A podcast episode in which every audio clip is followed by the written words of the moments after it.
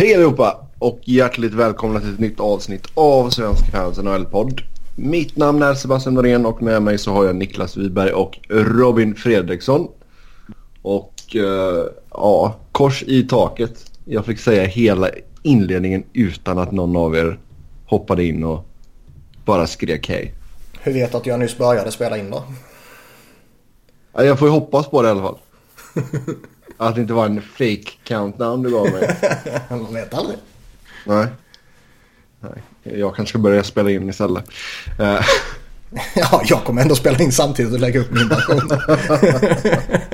ja, det är kört helt enkelt. Ja. Men, men. Um, hej på er två i alla fall. Nu så går vi med stormsteg mot slutspelet. Och uh, självklart Du vet, det är en riktigt fin dag idag va? Vad är det för dag idag? Det är ingen vanlig dag för det är... Det är Ni både... alltid sån här ett år sedan en typ gammal trade själv. Nej, nej, nej. nej. Fem år sedan det här är, äh, lämnade. Ja. Det här är ännu större. Både Ray Parler och Mathieu Flamini fyller år idag. Ja, sådana här grejer. Ja. Mathieu Flamini, ja. Ray Parler som eh, när AIK skulle möta eh, Arsenal i slutet på 90-talet var det va? Mm. Så var det ju... Var det Stefan Söderberg som inte visste att Ray Parler var engelsman eftersom han kallade honom för Ray Parleur. Han var fransman som äh, Wenger.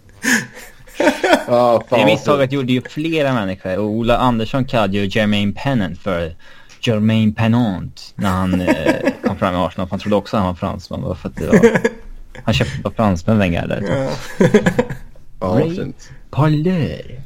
Hur skulle man då säga Fredrik Ljungberg är ju frågan. Fredrik. Ja. Fredrik Ljungberg. Fredrik. Ja. Någonting. Ja, ja. Ljungberg. Ja, det är fint. Hur säger man Aaron Dell som uh, fransman är ju frågan. Aaron Dell. San Jose, tvåårsförlängning, 1,9 miljoner capita. Vi hoppar alltså rätt in på det senaste här. Uh, Fattar vilken schysst övergång jag gav dig genom att börja hylla Flamini och Parlor. Ja. ja. fina ögon. Uh, Dell, han har gjort det bra när han fått stå i alla fall. Får inte spela överdrivet mycket. Alltså ja. det gick väl lite snack om att han var den här nästa snubben som skulle ta klivet från backup till Uh... Cam Talbot, Scott Darling etc. Ja. Men alltså har, har den liksom skrämt bort folk lite? Scott Darling har ju inte varit mycket att hänga i granen direkt. Men det är ju... Scott Darling har dödat hoppet för alla backupmålvakter, är det det ja. du säger? Det är liksom ingen som får den här chansen nu. Genom Folk, alla nej, tider. Du, du, får två, du får två år strax under två mille. Det så där, där går gränsen liksom. Ja, men det är klart, alltså man fattar sig ju alltid när man tar en chansning på en Martin Jones eller Cam Talbot eller Antti Ranta eller Scott Darling eller vad det nu är för några andra som har gjort det där klivet så är det ju en chansning. Det är ju mm. oundvikligen en chansning. Ja absolut och jag menar även om du tittar på merparten av dem så är de ändå slått hyfsat väl ut får man väl säga. Ja men jag menar det blir ju en chansning i och med att i princip alla har ju faktiskt spelat i bra lag. Och... Eh, ja, det är jävligt sant. Kan man lita på att det är målvakten i sig som är jätteduktig? Eller är det kanske laget framför som gör att han ser väldigt bra ut när han får sina 20-talet matcher på en säsong? Jo, det är sant. Och eh, i Darlings fall, om man baserar allting på de här månaderna som han har hunnit spela så var det kanske laget som gjorde honom bättre än vad han egentligen är. Eh, medans det kanske i andra fall kan ha varit så att det faktiskt var en genuint duktig målvakt. Mm. Så det är ju en chansning, det kommer man inte ifrån ju. Nej, 26 matcher har blivit i alla fall än så länge för Aaron Dell denna säsongen. Spelade 20 matcher föregående säsong. Um, Sen, sen, känns det ju väl lite så att att man skulle trada för Aaron Dell nu. Eller alltså innan deadline då såklart. Uh, hur många skulle egentligen vara redo att göra det? Vi såg ju att målvaktsmarknaden utöver Philadelphia fanns ju inte där liksom. Nej, nej, den var ju sjukt trött. Ja, och eh, då ska man, ska liksom Dell ta det där klivet. Då är väl det framåt sommaren i så fall. När något lag har tröttnat på någon målvakt som klappade igenom i slutspelet eller som klappade igenom under slutpushen här in mot slutspelet och så vidare. Och då kanske det är enklare att träda till sig än Aaron Dell som är signad på ett eh, rätt rimligt kontrakt om man ska ta en sån chansning. Absolut. Ja, vi får se vad framtiden utvisar i norra Kalifornien. Visar det sig att han blir kvar i Sharks hela kontraktstiden ut så är ju knappt 2 miljoner för en kompetent backup inte farligt liksom. De har ju enormt cap space. Ja, um, även fast Jones är väl... Han är ju hotad detta där sedan så kan han fortsätta pusha honom lite också så det är väl jätte, jättebra. Jag vet inte hur de har det i systemet med... Vad har de för gubbar? Det är inte några jätteprospects på marksidan va? Vi ska ju titta. Inga välkända i alla fall va? Målvakter är svåra att förutse. Jo, mm. jo men det är ingen sån här som alltså hoppar ut direkt va? Nej. Nej. Yes, sen Montreal ska ha krävt en ung andracenter för Match Pacioretty. Uh, Tyler Toffoli, Gabe Velardi och ett first round pick nämns från LA. Uh, eh, man vill ha Charlie Coyle från Minnesota. Pacioretty mot Trocheck har även nämnts. Uh, det paketet från LA känns ju som att det... Nej, det hade jag inte velat ge upp för Pacioretty kan jag säga. Det var dyrt. Nej, det finns väl ingen anledning att skeppa en, en klart yngre uh, Toffoli. Ja, alltså Pacioretty är bättre än Toffoli, men alltså... Jo, men dels att du ju... Men där finns en, enkelt resonerat så är det väl byta en right-winger mot en left-winger i så fall. Mm. Alltså plocka bort Toffoli och peta in Pacioretty. Och det ska man betala en Villardi som ändå är en, en bra prospect och en first rounder för. Ja. Det, det känns, känns jävligt dyrt. overkill. Sen tycker jag väl det är rimligt av Montreal att kräva väldigt mycket för Pacioretty. Ehm, han är ju på ett av ligans bättre kontrakt. Han är en, eller har i alla fall varit en, en extremt pålitlig målskytt. Sen har det ju varit lite skakigt den här säsongen med allt och alla i Montreal egentligen. Så man ska väl inte dra allt för stora växlar av den här säsongen. Men eh, betala så mycket för honom känns ju märkligt om det skulle bli så. Ja, det är sant. Och jag menar, Sen... även om man blickar mot Minnesota med Charlie Coyle så mm. där måste ju Minnesota betala Charlie Coyle plus i så fall såklart. Ja, herregud. Det är bara det att det liksom var en av vad ska man säga, huvudstenarna från ja. Minnesotas sida i så fall. Sen kan man uh, väl, om man tar Trocheck så kanske det är en mer uh, fair deal rakt av i så fall. Ja. Nej, det håller jag med om. Trocheck, riktigt bra faktiskt. Men jag tycker att det, det jag reagerar över är ju egentligen inte att uh, Mark Bergevin vill dunka på med en hög prislapp så att säga. Utan det är ju att man söker en andra center. Ja. Man behöver väl både en andra center och en första center. Jo, men jag menar ska man liksom skeppa sin, vad det väl förmodligen är, en av de bästa tillgångarna. Borde man inte ha siktet inställt på något mer än en andra center liksom?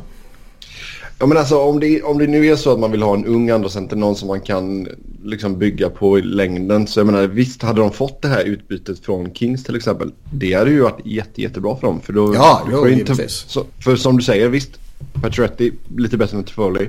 Men du får ändå in någon som kan göra lite mål. Sen får du in ett projekt då i, eller en väldigt bra prospect i Velardi. Och sen ett första round pick. Liksom. Ja, det ja, men den traden känns ju väldigt orealistisk. Ja, det gör den. Den, den kommer ju inte ske ju liksom. Uh... Så dum är inte Rob Blake. Nej, det tror jag inte. Hade det varit, hade det varit Lombardi? Ja, då vet man aldrig. Man aldrig. Men, men liksom... Charlie Coyle, ja han är duktig och han gör väl nytta i typ alla lag liksom. Men, Men du tycker han är inget sexigt namn? Nej, det är han inte och han är väl liksom ingen som... Alltså det känns ju som att vad man ser är vad du får. Vilket är en spelare som kommer göra 20-talet mål kanske. Och kanske 30 assist liksom. Mm. Eh, som är 26 år. Och är det liksom vad man ska ge upp som sagt då sin kanske största tillgång för. Alltså det beror helt på vad Minnesota hade slängt in såklart. Jo, så, givetvis. Utöver men, men jag bara men pratar liksom att ge, ge, inte... ger man upp Pacioretty och, och liksom, vi har ju pratat om det här tidigare att Montreal skulle gå in i en riktig rebuild nu. När man för ett år sedan liksom gick så stenhårt på win now mode med ja. Webber-traden och man har Carey Price eh, som inte direkt kommer vara bättre om fyra år än idag känns det spontant som. Eh, det känns liksom jätteologiskt att gå in i en rebuild nu. Och då vill man ju rimligtvis ha någonting som ger slagkraft direkt om man offrar Pacioretty. Det är svårt att trada Pacioretty och inte ge upp den bästa spelaren i dealen. Så är det. Det, det är det ju. Då måste man ju satsa på en klart yngre spelare som man tror kommer ta ett kliv. Ja, exakt. Typ som om de hade tradat... Men säg att de hade bytt Pacioretty mot Duran. Eh, istället för Sergachev. Mm. Ja. Då, det hade liksom känts mer rimligt kanske. Ja, det är sant. Så, ja. Uh... Om de hade fått något mer kanske än Duran. Ja, jo. Men där är väl kanske då uh, Vincent Trocek en mer rimlig spelare känner jag. Mm.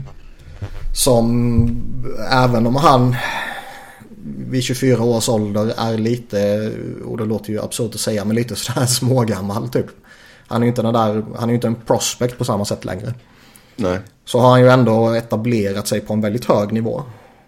Och det känns som att han borde kunna ta ytterligare ett kliv faktiskt. Ja. Uh, och det sägs ju att Pacioretty vill till Florida. Mm. Uh, ja, det förstår jag. Bra väder, låga skatter. Det låter som en win i min bok. Vi går vidare. New York Rangers pekas ut som ett alternativ för Erik Karlsson. Eh, Vegas och San Jose ska ha varit redo att ta på sig Bobby Ryans kontrakt i en eh, trade med Ottawa. Prislappen sägs vara två stycken first rounder, eh, high level prospect och conditional pick då ifall han skulle förlänga. Alltså, alltså man börjar med Rangers så mm. Jag har ju sagt hela tiden att jag har jävligt svårt att se dem gå in i en fullskalig rebuild. Alltså en sån där som tar flera säsonger. Ja. Det känns inte som Rangers och framförallt så Alltså ska de behålla Henke Lundqvist så är det ju helt jävla meningslöst. Vilket vi har sett den här veckan typ. Ja, han är lite för bra för att mm. gå in i full tank och sådär. Ja. Mm. Och eh, nu när man har samlat på sig bara till sommaren här tre stycken first rounders, två stycken second rounders och två stycken third rounders plus ytterligare i, om ett år. Så jag har jävligt svårt att se att man går in i draften med att behålla alla sina pick. Eller rättare sagt att man fullföljer draften med alla sina picks. Kanske man ska säga. Ja. För man kan ju göra saker under draften såklart. Exakt. Men... Uh, We have a trade. Ja, om det sen sker där eller om det sker innan eller vad det nu skulle kunna vara. Men det känns ju bara som att Rick Nash kommer återvända till sommaren. De kommer plocka Ilja Kovalchuk som UFA. De kommer offra Pix och någon prospect för att få in Erik Karlsson. Och eh, de kommer plocka John Tavares från Free Agency. Fatta om de gör det, vilken jävla, vilka succémånader de har haft ändå. Ja. För som, även om vi sa som förra veckan att eh, McDonough-traden tycker jag de borde ha kunnat göra bättre. Men helheten som de har gjort här är ju jättebra. Absolut. Och då kunna få ihop allt det där på, till sommaren. Även om det såklart kanske är någon form av drömscenario. Så det är ju en hygglig quick rebuild. Ja, så kickar du Vigneault och så tar du in uh, coach Q. Ja, att Vigneault försvinner det, det, det, det känns det väl måste liksom... han göra. Ja, det, måste känns oundvikligt. Tänk dig om, tänk dig om man fått in Karlsson så Vigneault bara... Ah du, det blir nog tredje paret för dig. Exakt. Chattenkirk och Karlsson är tredje par. ja, exakt. Men det känns ju oundvikligt. Sen eh, får man väl se vad som händer med, coach Q. Men äh, blir han tillgänglig så är väl Rangers ett av lagen som kommer slänga dollarpåsar över honom. Rimligtvis. Ja, så eh, man ska ha lite hopp i alla fall om man är Rangers-supporter. Så kan vi säga. Eh, alltså Bobby Ryans kontrakt alltså. Det, vi pratade ju om det förra gången alltså att det... Ottawa gör ju sig själva en otjänst när de vill paketera in den. Jag säger som jag sa förra veckan. Man kan inte vara så dum i huvudet så att man försöker använda sig av världens bästa back och en av tidernas bästa backar. Förmodligen den bästa högerfattade backen liksom. Till att bli av med ett dåligt kontrakt. Det, det, Jag säger att man kan ju göra det men inte om man är åtta va? Nej. Ändå inte kommer använda det där löneutrymmet. Nej. Säg att vi hade varit Tampa som sitter på ett superdåligt kontrakt och ett... Ja, de vill bra med Callahan typ. Ja, exakt. Eh, då är det mer rimligt. För att liksom ett, ett dåligt kontrakt kan ju sänka ett lagbygge liksom. Absolut. Eh, Men sen just i Ottawas fall så är det också för att det verkar ju som att den här prislappen som det snackas om där då med first, eller två stycken first rounders, en high level prospect och ett conditional pick om han förlänger. Om det sen är ytterligare en first round eller second eller third eller whatever. Det, det har man väl ingen aning om. Men det, den prislappen, det ska ju vara lite oklart om det är med eller utan Bobby Ryan. Och jag kan ju tycka att om det är utan Bobby Ryan så är det rätt billigt faktiskt. Ja, alltså det, det som pratades om till Vegas bland annat. Så här, det, det känns inte som att det är några enorma priser vi snackar om. Om det är prislappen skulle jag ha gjort det direkt. Men det måste ju vara med Ryan. Ja, men, men inte ens. Jag tror det var Friedman som den här kommer ifrån. Eh, och han, han visste ju inte heller. Han, han, var- för enligt honom var det oklart om det var med eller utan Bob Ryans kontrakt. Eh, om man ska inkludera det där skitkontraktet så ska ju priset för Karlsson bli lägre. Det är ju oundvikligt ju för det är ju ingen tillgång man tar på sig. Ja, exakt. Eh, även om han fortfarande, det är inte så att han, han är ju fortfarande en NHL-spelare. Så det, det är inte en sån kaosspelare som man eh, inte Nej, kan använda alltså, sig av så han att är säga. ju Han är ju bara inte värd sina pengar. Nej, exakt. Inte någonstans. Ja. Och är man Vegas som har eh, hur mycket utrymme som helst eller San Jose som vi nämnde tidigare som har hur mycket utrymme som helst.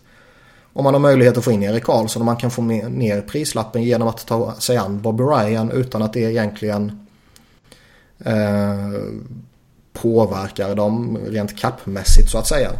Ja. Då är det klart att man eh, tar honom liksom. Och vem vet vad som händer om man sätter in Bobby Ryan jämte Joe Thornton kommande säsong. Ja. Alltså kunde han göra, nu var det ju många herrans år sedan, men kan han göra Jonathan Chichu till en eh, 56 målspelare eller vad fan det var. Så borde han ju kunna servera Bob Ryan lite fortfarande. Och med det sagt menar jag inte att Bob Ryan blir en 50 målskytt i San Jose. Men eh, kanske någon form av nytändning, vem vet. Mm. Ska vi ta Chicho där? Han tar ju sluta nu. Ska vi ta det som en grej verkligen? Ja. Okej. Det är klart vi ska göra. Jonathan Chichichu. The Choo Choo Train. Vad har han spelat senaste åren? KL. Har han spelat i år eller hur? Nej, han spelat Nej. i KL. Ja. Nej, jag inkluderar det i körschemat bara för att eh, hans smeknamn som du gav honom är ju legendary. Mm. Född 15 juli Moose Factory, Ontario. Mm. Det är fint. Men liksom... Ja, inget ont om Chichichu, men det är ju Karlsson som är det roligare. um, Nej då. Och om det där är liksom prislappen, två first rounders, en high level prospect och sen conditional pick beroende på om man förlänger eller inte. Då slår man ju till. Uh, ja. Det där är ju typ vad Flyers gav upp för Chris Pronger när de tog ja, honom. Det, det de gav upp för Chris Pronger var helt sjukt också. Ja, ja, men det var ju två first rounders och sen var det high level prospect. För även om man inte kan tro det idag så var ju faktiskt Lucas Bisha det nu. Eller då. Mm. Uh, och sen var det Joffrey LePull var det va? Ja, ja. Uh, så jag menar, sätt de två mot varandra så är det väl ändå inte superorimligt så. Mm.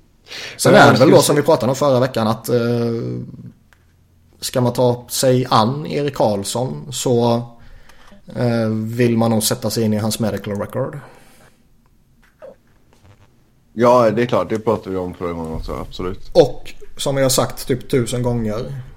Jag tror att flera GMs är redo eller mer redo, så, eller vilja eller vad man ska säga, att gå efter honom till sommaren när man faktiskt kan få till en garanterad förlängning.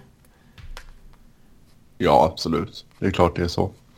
Samtidigt så har vi sagt också att det hade ju varit mumma att få in honom på två slutspel under det nuvarande kontraktet. Men som du säger, kunna trada för honom och sen signa direkt. Det snackades ju om att Vegas eventuellt skulle vara sugna på att eh, trada för honom nu och sen så flippa honom vidare i sommar igen. Efter en slutspelspush med honom. Mm. Och det hade ju inte alls varit orimligt. Man hade ju fått tillbaka det man degade i princip. Yes. Ja, det, det enda som... Alltså det är väl möjligtvis om de kollapsar fullkomligt och han är skitusel. Då kanske man går lite back på det. Men uh, jag kan inte tänka mig att det påverkas egna... jättemycket. Man får ju ha förtroende för sin egna förmåga att förhandla tillbaka det man gav upp i princip. Liksom. Mm. Det, till, alltså man har, ju, man har ju scouter och så vidare, vilka prospects man ställer in sig på och så vidare. Det, ja. man... sen, sen har du även McPhee. Han bara, vart lirar erat nu? Um, han är os tillbaka, tillbaka till uh, Chichu. Franchise-rekord.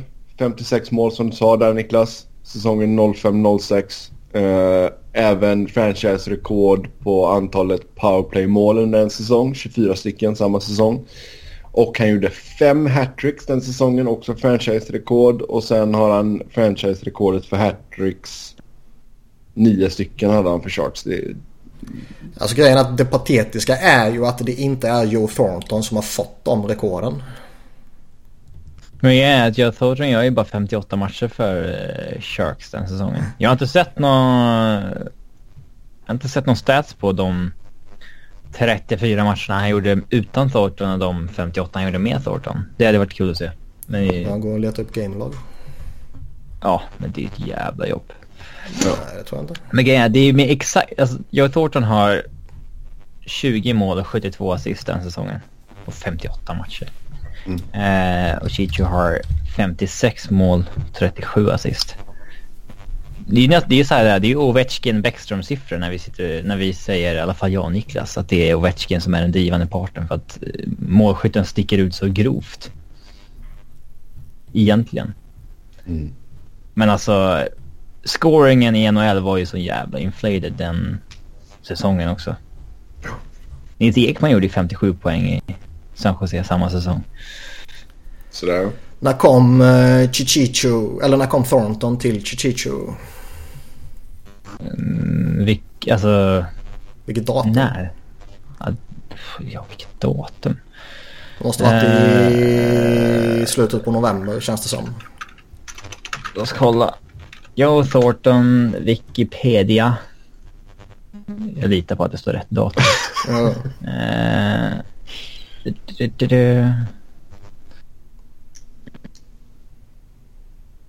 Uh, November 30th. Mm. Första matchen efter gör Chichicho två mål. Fast i och för sig, han hade ju inte varit helt jävla klappkass innan för han hade gjort några mål och poäng och sådär. Bland annat gjort mål i fyra raka matcher i en period och poäng i en, två, tre, fyra, fem, sex raka matcher och producerat rätt bra sådär. Sen gick han på en liten formsvacka med i, i en poäng på en, två, tre, fyra, fem, sex, sju, åtta, nio matcher. Tio, elva matcher. Innan Thornton kom och så bara började han smälla in mål utav helvete. Men eh, han, gjorde ju, han gjorde ju 28 mål eh, säsongen innan också. Liksom. Ja. Eh, och sen 37 efter. Oh ja, men den där säsongen är ju... Tydligt man kan se vart hans 3-4 peak-år var någonstans i alla fall. Ja, exakt. Det är när han är 23 till 26 ungefär. Som vi brukar säga. Ja, vi går vidare. Rätt lockout-säsong i HV dock med fem mål och noll assist på 20 ja. HV var ju kända för att de hade inte de mest taggade prospe eller prospekten. Men de hade inte de mest taggade NHL-spelarna. Vilka var de tog in? Manny Malhotra, Chichu, Brian McCabe, Anders Eriksson. Brian McCabe skickade sig också hem för att han inte brydde sig någonting. Brian Boucher var där, det hade jag glömt. Mm. Herregud. Han hade alltså fyra ja. målvakter alla var under 90 procent. Mm. Ja. Yes. Mm. Inget ont om Stefan Liv. Men ja, ingen bra säsong. Nej. Men eh, innan vi går vidare så mm. som flyer betalar jag ju gärna det priset för Erik Karlsson. Om man bedömer det till sommaren att... Eh, man kan signa honom? Man kan signa honom och framförallt att nu är vi redo att gå för det. Mm.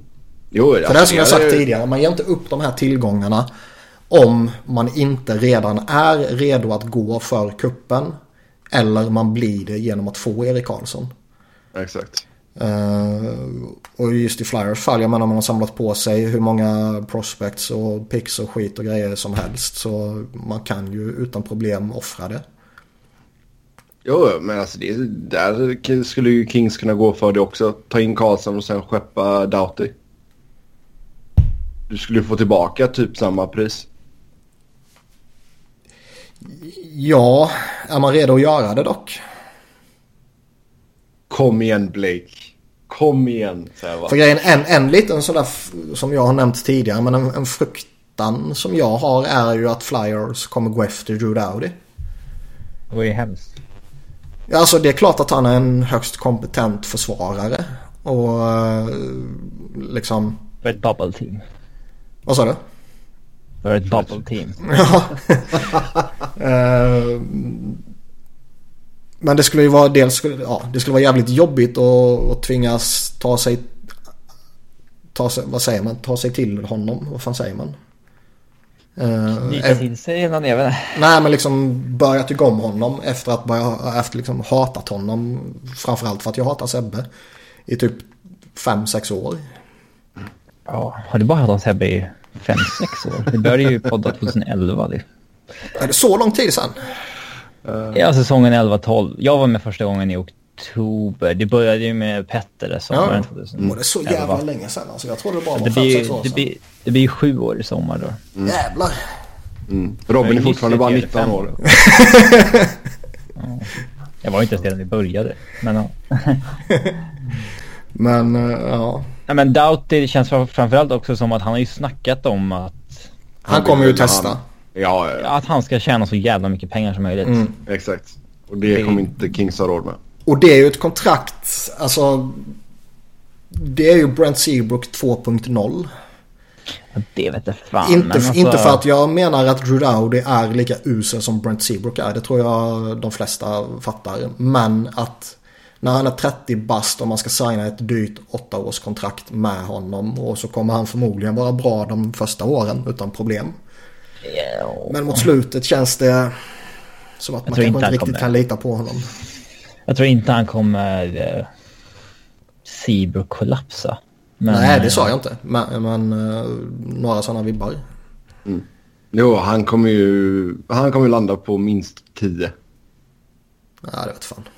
Jo, det tror jag. Ja, men jag vet, no, alltså, hur, alltså, hur, många kan betala så mycket? Alltså hans anseende är ju svinhögt, men hur många har ens det löneutrymmet när det kommer till kritan? Jag tror inte så lag kommer göra sig i det utrymmet. Det Men om man tittar... Så, så pass högt aktad är han ju.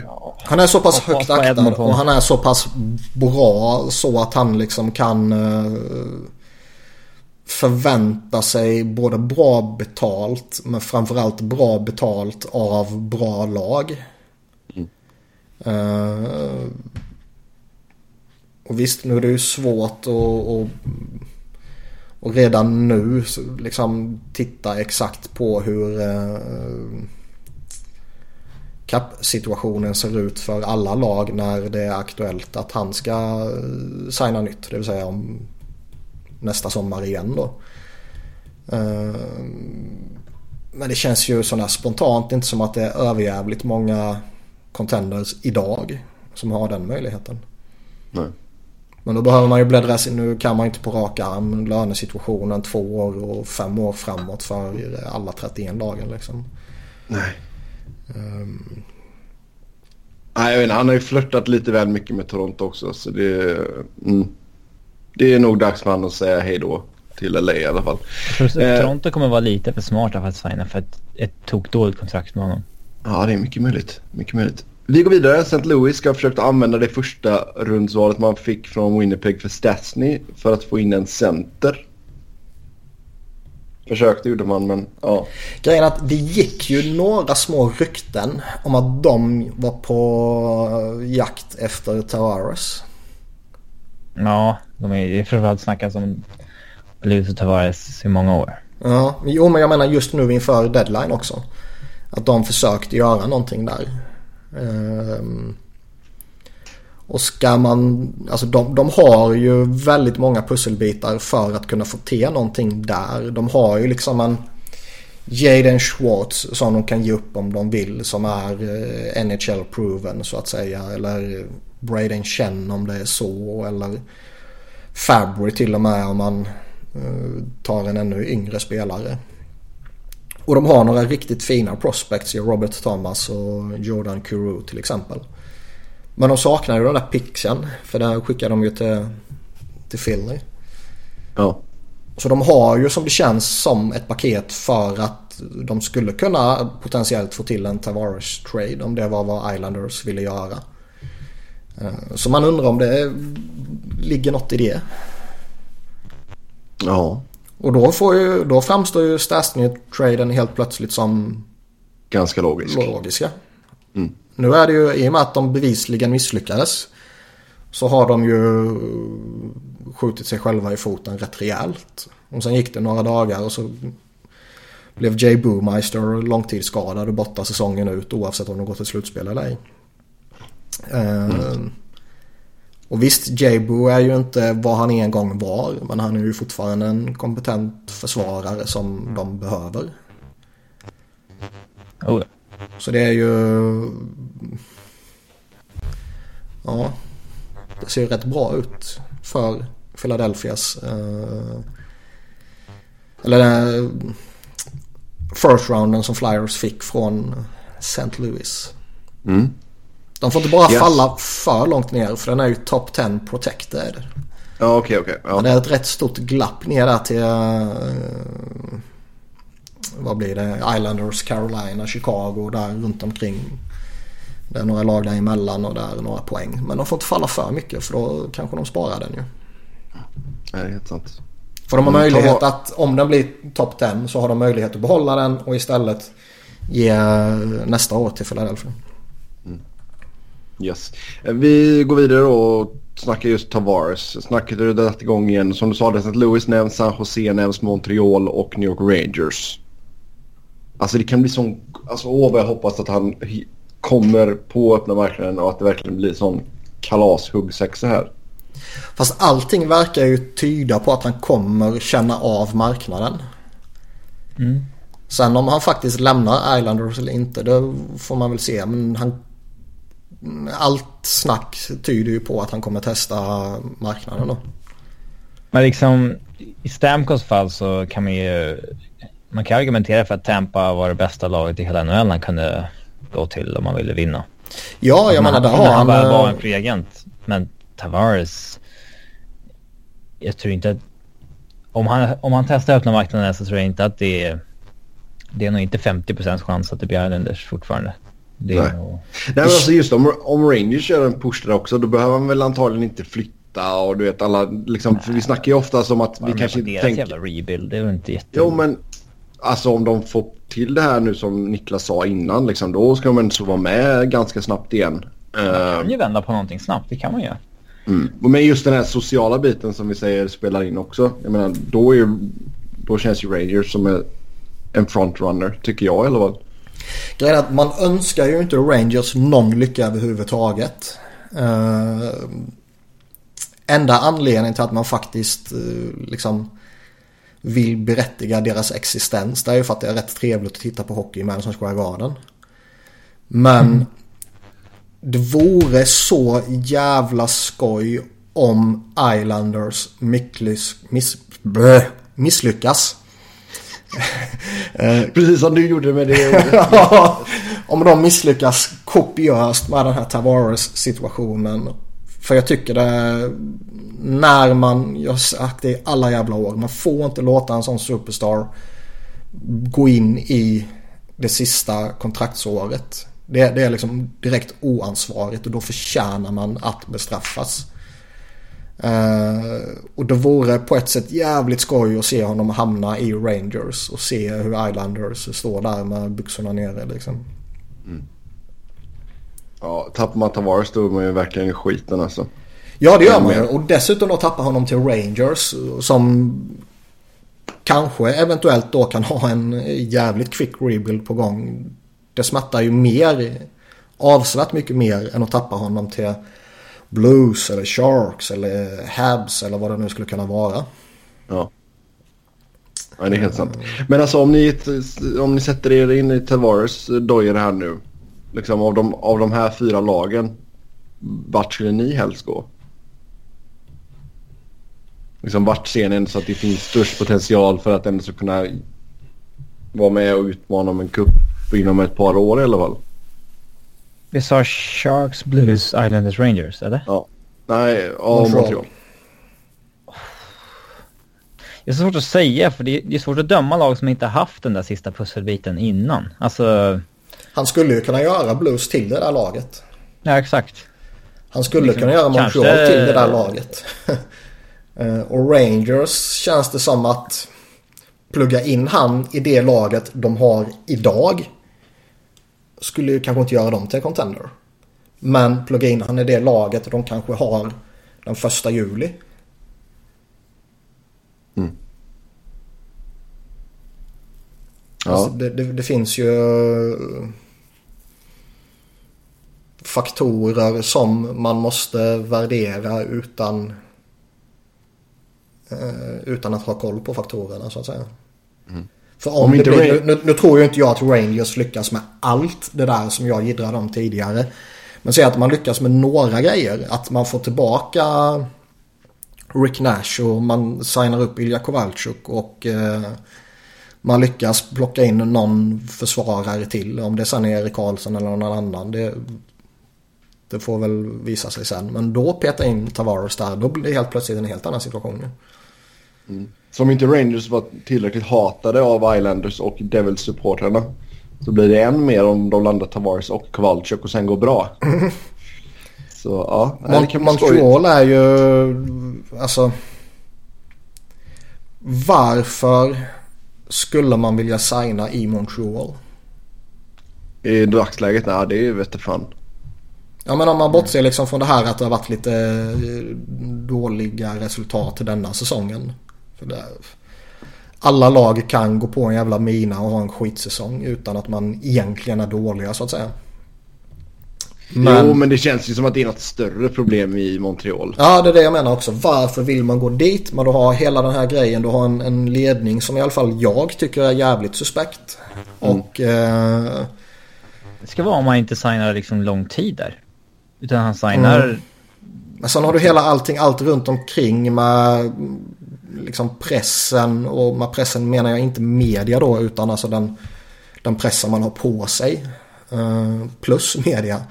Och plus eh, hela den här mystiken som på gott och ont är Montreal. Alltså, det känns som att man i dagsläget bara kan misslyckas i Montreal. Ja, och de har liksom... De har ju stängt sitt eget fönster i princip med kontrakter på Webber och Price. Mm. Alltså, de kommer inte kunna... Ja, alltså de är vad säger man? Handcuff themselves liksom. Det, mm. De kan inte göra så mycket mer med det laget. Nej, det är sant. Eh, vi går vidare. Montreal ska ha varit intresserad av Louis Eriksson inför trade deadline. Han gick blev skadad här nu. Spricka i rebenet. Ska vara borta resten av säsongen. Varför då? Nej, jättelustigt. Jag fattar inte. Det kan ju inte stämma helt enkelt. Alltså enda anledningen till att man vill ta sig an Louis Eriksson nu är ju för att byta skräp mot skräp. Ja. Och vad har Montreal för skräp som man eventuellt skulle kunna vilja bli av med och skicka till Vancouver? Alltså, det har de inte riktigt. Nej, men de kanske resonerade typ Petri mot Louis eller någonting, samma pengar ungefär. Jo, men jag menar Petri är ju ändå... Han är ju större tillgång för dem än vad Louis ja. Eriksson skulle vara. Mm. Canucks kanske var villiga att käka halva? Ja, det tror jag inte. Nej, inte så långt kontrakt. Det känns... Uh, orimligt. Man vet aldrig. Så det är, ja, sjukt ja. lustigt rykte. Mm. Även för att vara Bergevin. Mm. Ottawa krävde Travis Sanheim och ett första rundsval från Philadelphia för Mike Hoffman. Uh, alltså det är ett jäkligt rimligt pris kan jag tycka. Alltså det är ju någonstans där han borde kosta. Och det borde ändå kliat lite grann i trade-fingrarna för Hextall och framförallt Paul Holmgren en trappa upp. Ja, ja Homer skulle ju pröjsat ju. Nej men alltså det, priset är ju inte orimligt liksom. En jag tycker priset är jätterimligt. En, eh, en first rounder okay. som rimligtvis inte kommer vara eh, en superbra first rounder så att säga. Och en prospect som är en genuint jätteduktig prospect. Det, det tycker jag är ett fair price för Mike Hoffman. Det enda jag känner är att om jag är Flyers och jag ska ge upp tillgångar idag så gör jag det hellre för en back. Mm. Mm.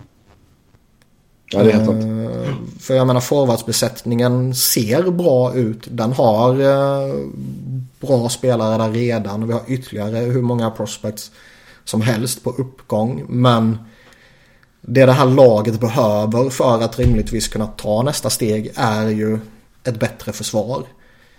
Man kan liksom inte förlita sig på Andrew McDonald och Brandon Manning och sen har man Johnny Odoya som är liksom han var så jävla tokusel. Det är det sämsta jag har sett av en svensk back i Philadelphia. Och det säger Oj. inte lite med tanke på att vi har haft Andreas Lilja och Niklas Grossman de senaste åren. Och David Printz. Lasse Jonsson. Han var så, jävla... Det är svårt med David Printz och Lasse Jonsson för 12 sant, år Printz är bättre. Men det är så jävla usel premiärmatch eller debutmatch eller vad man ska säga som han gör här nu senast. Och det var... Ja, för fan. Jag satt och längtade efter Andrew McDonald. Fattar ni hur jävla uselt det var? Alltså du måste ha känt dig lite smutsig. Ja, ja. Det var ju bara att supa ner sig och glömma skiten liksom. uh, och Alltså så här på för, när de plockade upp honom på waivers. Alltså, ja, jag plockar upp en veteran som har några Stanley Cup-ringar och låter honom sitta som sjunde back. Det kan inte vara några problem liksom. Man ger inte upp några tillgångar för honom. Och ehm, eh, det kanske till och med är så att han är bättre än Brandon Manning tänkte man ju i sin enfaldighet.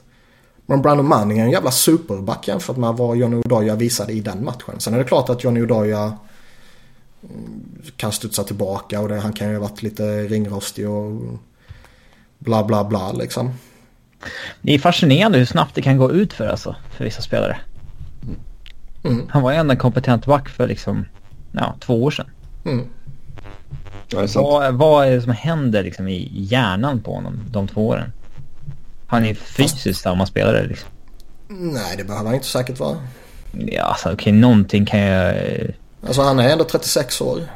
Benen kan ha blivit lite långsammare. Det tar lite längre tid för honom att vända sig om och startstopp och gå lite långsammare i skridskoåkning generellt. Och hand-eye coordination och allt sånt här kanske försämras lite. Alltså...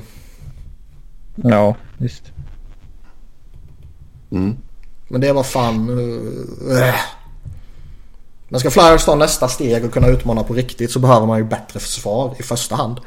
Ja. Och eh, tycker man att det kanske... Att liksom forwardsbesättningen nu med Voracek Giroux och Coots också med tanke på vilka kliv de har tagit detta året. Att forwardsbesättningen och backbesättningen inte riktigt synkar i tid. Att man får vänta lite längre på backarna, Sanheim och Myers och så vidare om man vill ha in en direkt förstärkning där. Då är det ju backbesättningen man ska betala för liksom. Mm, absolut. Sen Mike Green sägs ha vägrat trade till Toronto på grund av Mike Babcock. Eh, vi var ju lite förvånade över att ingen eh, snappade upp Green här vid deadline. Men eh, Toronto, de var tydligen sugna men Green sa tack nej tack. Ja, det går ju hand i hand med allt annat man hör om Babcock. Att han är extremt kompetent såklart men sjukt jobbig att spela under. Ja. Och eh, vinner man så är det eh, typ aldrig några problem. För så länge man vinner så eh, kan man stå ut med mycket skit. Eh, men om man inte vinner och det har ju inte Toronto börjat göra ännu. Så eh, är det klart att han är en svår jävla att ha att göra med. Mm. Jag menar det snackades ju så redan om Detroit-tiden. Uh, och uh, Mike Green han väl aldrig spela för honom tror jag väl. Nej det gjorde han inte. Så han har väl hört mycket snack i omklädningsrummet. Och han ja, har väl kanske frågat eh, vilka är kvar från den tiden. Zäta, Nyqvist, Tatar, Kronvall, Helm, De Kaiser.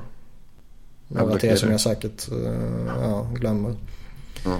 Eh, och de hade väl kanske inte bara positiva ord att säga om honom. Nej. Är sant. Sen går det snack om att Eli Tolvanen kan ansluta till Nashville efter KL-säsongen är slut. Det mm. hade ju varit en fin liten förstärkning för Nashville. Tolvanen har ju varit riktigt, riktigt bra. De är ju mitt uppe i sitt slutspel nu i första rundan tror jag det är KHL och eh, jag vet faktiskt inte hur det har gått för Jokerit. Nej, vi får väl ta en liten snabb... Eh, vad kan men det, vara? KHL.com eller? Det är ofta vi överhypar de här som ska komma som en push i slutet på NHL-säsongen, prospekterna från Europa. Det är så kommer in och... Jag kan säga att KHL.com är inte KHL. Nej, KHL.ru. Vad var det en porrsida eller? Nej, jag vet inte fan vad det här är för något. Det är någon typ... KHL. Fan. Det är någon jävla magasin typ. Uh -huh. Det verkar vara... Jokerit leder med 2-1 mot uh, Sochi i alla fall. Ja, okej. Okay. Uh, sen har han, var, han har ju varit lite sådär upp och ner under säsongen om jag har fattat allting rätt utan att punktmarkera KHL direkt. Men där han gjorde sådana superdundersuccé i inledningen och sen så gick han på en liten formsvacka ju. Mm. Men han var ju fräsch under OS till exempel. Ja. Och eh, peta in honom. Det är klart att man ska väl inte direkt förvänta sig att han går in och uh, vinner någon Conn Smythe Trophy direkt. Men alltså, det är klart att man hellre tar en Eli Tolvanen i laget än vissa av deras andra spelare i djupet. Även om det ja. är bra spelare så sett för vilken roll och utrymme de får i alltid Salomäki och Sissons och vad det kan heta liksom. Jo, men det ger dig ändå så liksom en, ett, en till eh, kniv i lådan som man säger. Ja, framförallt så ger det ju lite mer skill. Mm. Eh, de har ju, alltså tar man Austin Watson och Hartnell och Colton Sisson och så Mika Salomäki och sådär. Och Mike Fisher och gubbarna de har där nere. Så det är inte liksom skill som man förknippar alla dem med. Nej. Man kan peta in lite någon sånt sen. Om han spelar bottom 6 eller om han går in i topp 6 så petar ner någon annan. Så, men man får ändå lite mer skill. Så det ska vara jätteintressant. Men man ska inte ha några förväntningar att han går in och dominerar. Så sagt, i synnerhet inte om han får gå in och spela med Salomäki och Sissons liksom igen. Längre ner i hierarkin. Ja, eh, vi sa att Boomister är borta säsongen är ut. Boston åkte på två skador här. Charlie McAvoy och Patrice Bergeron. Uh, McAvoy knäskadad ska undersökas inom fyra veckor. Bergeron fotskadad undersöks inom två veckor. Uh, sen Brooke Boser blev skadad också för uh, Canucks. Uh, står väl att han uh, säsong är... Det var ju... Det har ju varit några skador här mot slutet och Montreal har ju fått rätt många också. Mm. Både Pacioretty och Weber har blivit borta säsongen ut tror jag. Men jag sket i lagen som inte har något att spela för. Och inkluderade bara de som är i slutspelsrace typ. Men om vi tittar, alltså Bowser tycker jag är lite intressant av, ur ett liksom Calder Trophy-race. Är, det, är racet inte stängt av Matthew Barzal? Jo, kanske. Det är väl... Om man inte gör... In, inte om man, alltså vi vet ju att recent bias är ju ja. extremt eh, starkt när det kommer till omröstningarna här. Och skulle mm. Barzal svalnat av här under slutet och Brock Boser eller någon annan för den delen skulle... Men säg att han gör 40 mål. Att han gör 11 mål till på de sista 20 matcherna. Då får ja. han ja. Så visst. Så visst det, det givetvis så påverkar det hans chanser extremt mycket. Eh, personligen så tycker jag väl att Barzal ska ha det. Jo. Eh, oavsett om man pratar idag eller om man pratar efter säsongen. Men eh, nu känns det som att Brock Boser kommer ha extremt usla chanser på att kunna vinna. Ja. Jo, absolut. Så Barzal ligger jätte, jättebra till ska vi väl säga med det. Eh, McAvoy och Bergeron det är ju tungt för Boston i och för sig. Det, det där är ju någonting som, alltså Boston har ju sett bra ut här mot slutet. De har prickat in en jättefin form, de har gått jättebra. Eh, flera spelare som har gått bra och så vidare. Och sen plocka bort två nyckelspelare för dem samtidigt som de har lite annat eh, småskit med Anders Björk till exempel. Och jag läste någonting om att det kanske var några problem med Toka Rask också. Eh, och det här är ju sådana saker som kan få laget att typ snubbla till. Mm. Har väl lite för mycket av en kursen dock för att det ska bli... Nej, jag, jag, nej, nej, jag tror inte de kommer rasa och missa slutspel. Det är inte det jag menar. Men alltså gå tillbaka några veckor så var det väl typ ändå Boston man såg som det laget som skulle kunna utmana Tampa allra hårdast. Mm. Det är där jag menar att där kanske man kan snubbla till och så bara bli en i mängden istället. Genom ja. att plocka bort några nyckelspelare, vilket de här två är då. Uh, det, det, kan ju få en negativ spiral istället. Och istället för att gå in i ett slutspel formtoppade och den här gamla Boston-maskinen för några år sedan ser ut att på något liknande sätt har kommit fram igen. Så istället så bara stapplar man in i slutspelet och eh, torskar efter fem matcher. Mm, just nu ligger man tvåa i Atlantic med 90 poäng. Man är 6 poäng bakom Tampa fast man har tre matcher till godo. Och sen har man fem poäng ner till Toronto och fyra matcher till godo. Så eh, alltså jag tror inte man kommer rasa ur slutspelet, absolut inte. Men uh, vill Nej, det är ju extremt osannolikt. Det är ju nästan 20 man, poäng ner. Kanske tappa hemmafördel i första, första rundan här mot Toronto, vem vet. Mm.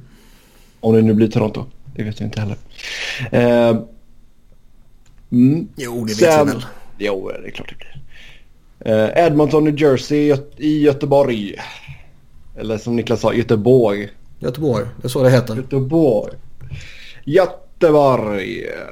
Det blir trevligt i Skandinavium. Det var ju kul att man eh, sket och lägga det i Stockholm i alla fall. Grejen att konspirationsteorierna för draftlotteriet tar ju nya nivåer när man eh, nu inser att Rasmus Dahlin kommer representera Edmonton i Göteborg. Åh herregud. Det känns ju som en självklarhet nu. Annars skulle de inte läckt matchen i Göteborg. Ja, de, är, de har tänkt på att det redan är klart. Liksom. Ja, det är klart. De märker att aha, Edmonton, de lyckas inte. Den här gamla klassiska fina. De har fått McDavid av oss på skänks. De har fått alla andra spelare på skänks. De behöver ytterligare någonting. Nu har de en back här som typ är liksom en av de mest lovande i modern tid. Det är klart de ska ha honom. Och så lägger vi en match för dem i hans hemmastad. Det är klart. Nu kör vi. Ja. Ja, det hade ju varit någonting. Nej, men skämt åsido. Så... Uh, å ena sidan, och vi pratade redan om det här redan när det blev klart att de här två lagen skulle komma till Sverige. Men då var det inte klart vilken stad det skulle bli. Då bara ja. förutsatte man att det skulle bli i Stockholm typ ju. Mm. Men det är ju inte de roligaste och mest sexiga och största bästa lagen de får för sig att skicka över hit numera. Nej. Men samtidigt så Men med det sagt McDavid är ju värd Conor McDavid ensam är ju i princip värd en trepengen. Även om det blir en jävligt dyr en trepeng. Jo. Men han är den häftigaste spelaren jag sett live. Utan någon som helst konkurrens. Då kan... Uh, och då är det liksom ändå stora spelare som... Uh, uh, Crosby och Jagger och sådana här saker som jag har sett live liksom. Men McDavid brädar dem alla i en sån här coolhetsfaktor. För han är på en helt, alltså skridskoåkning och allt sånt där, han är på en helt annan nivå än alla andra. Mm. Ja, det är sant. Uh, så det är ju häftigt såklart. Däremot så är ju matchen i Helsingfors betydligt mycket roligare mellan Florida och Winnipeg. Ja, det är ju två mer underhållande lag, absolut. Är sen, sen, är det väl också... Eh, det är ju rätt logiskt att lägga den i Stockholm. Det är en stor stad. Det är enkelt för alla att ta sig till Arlanda. Det är alltså när man kommer utifrån och Nordamerika och sådär. Och Globen känns väl som ett mer... Uh, ah, mer, mer, mer öppet för ett sånt arrangemang om man säger så. Uh, däremot är det ju skoj att det inte är på samma ställe hela jävla tiden. Ja, herregud. Att de lägger det där i... Uh, ett år. Sen lägger de i Göteborg det andra året och det tredje året lägger de det i Växjö. Ja, det lär ju knappast hända. Nej då, men det blir, det blir säkert skoj. Lite tjo och Nej men jag menar sen kanske nästa år kanske de lägger det i Malmö i så fall. Eller Köpenhamn. De har ju en ny jättefin arena där till exempel. Ja. Uh, och så skickar de dit Detroit med Frans Nielsen. Ja, exakt. Mm. Nej, vi får väl se vad biljettpriserna landar på. Uh, jag vet inte exakt om det då kanske blir Gott Event som jobbar till dels med detta. Och, ja, det kan nog bli intressant faktiskt att följa. Uh, förstör New York Rangers sin egen tankning genom att behålla Henrik Lundqvist? Ja. Mm. Så pass bra är han. Henrik Lundqvist är inte en människa som tankar.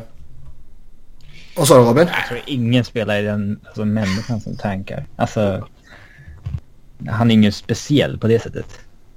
Nej, han är en högst medioker målvakt.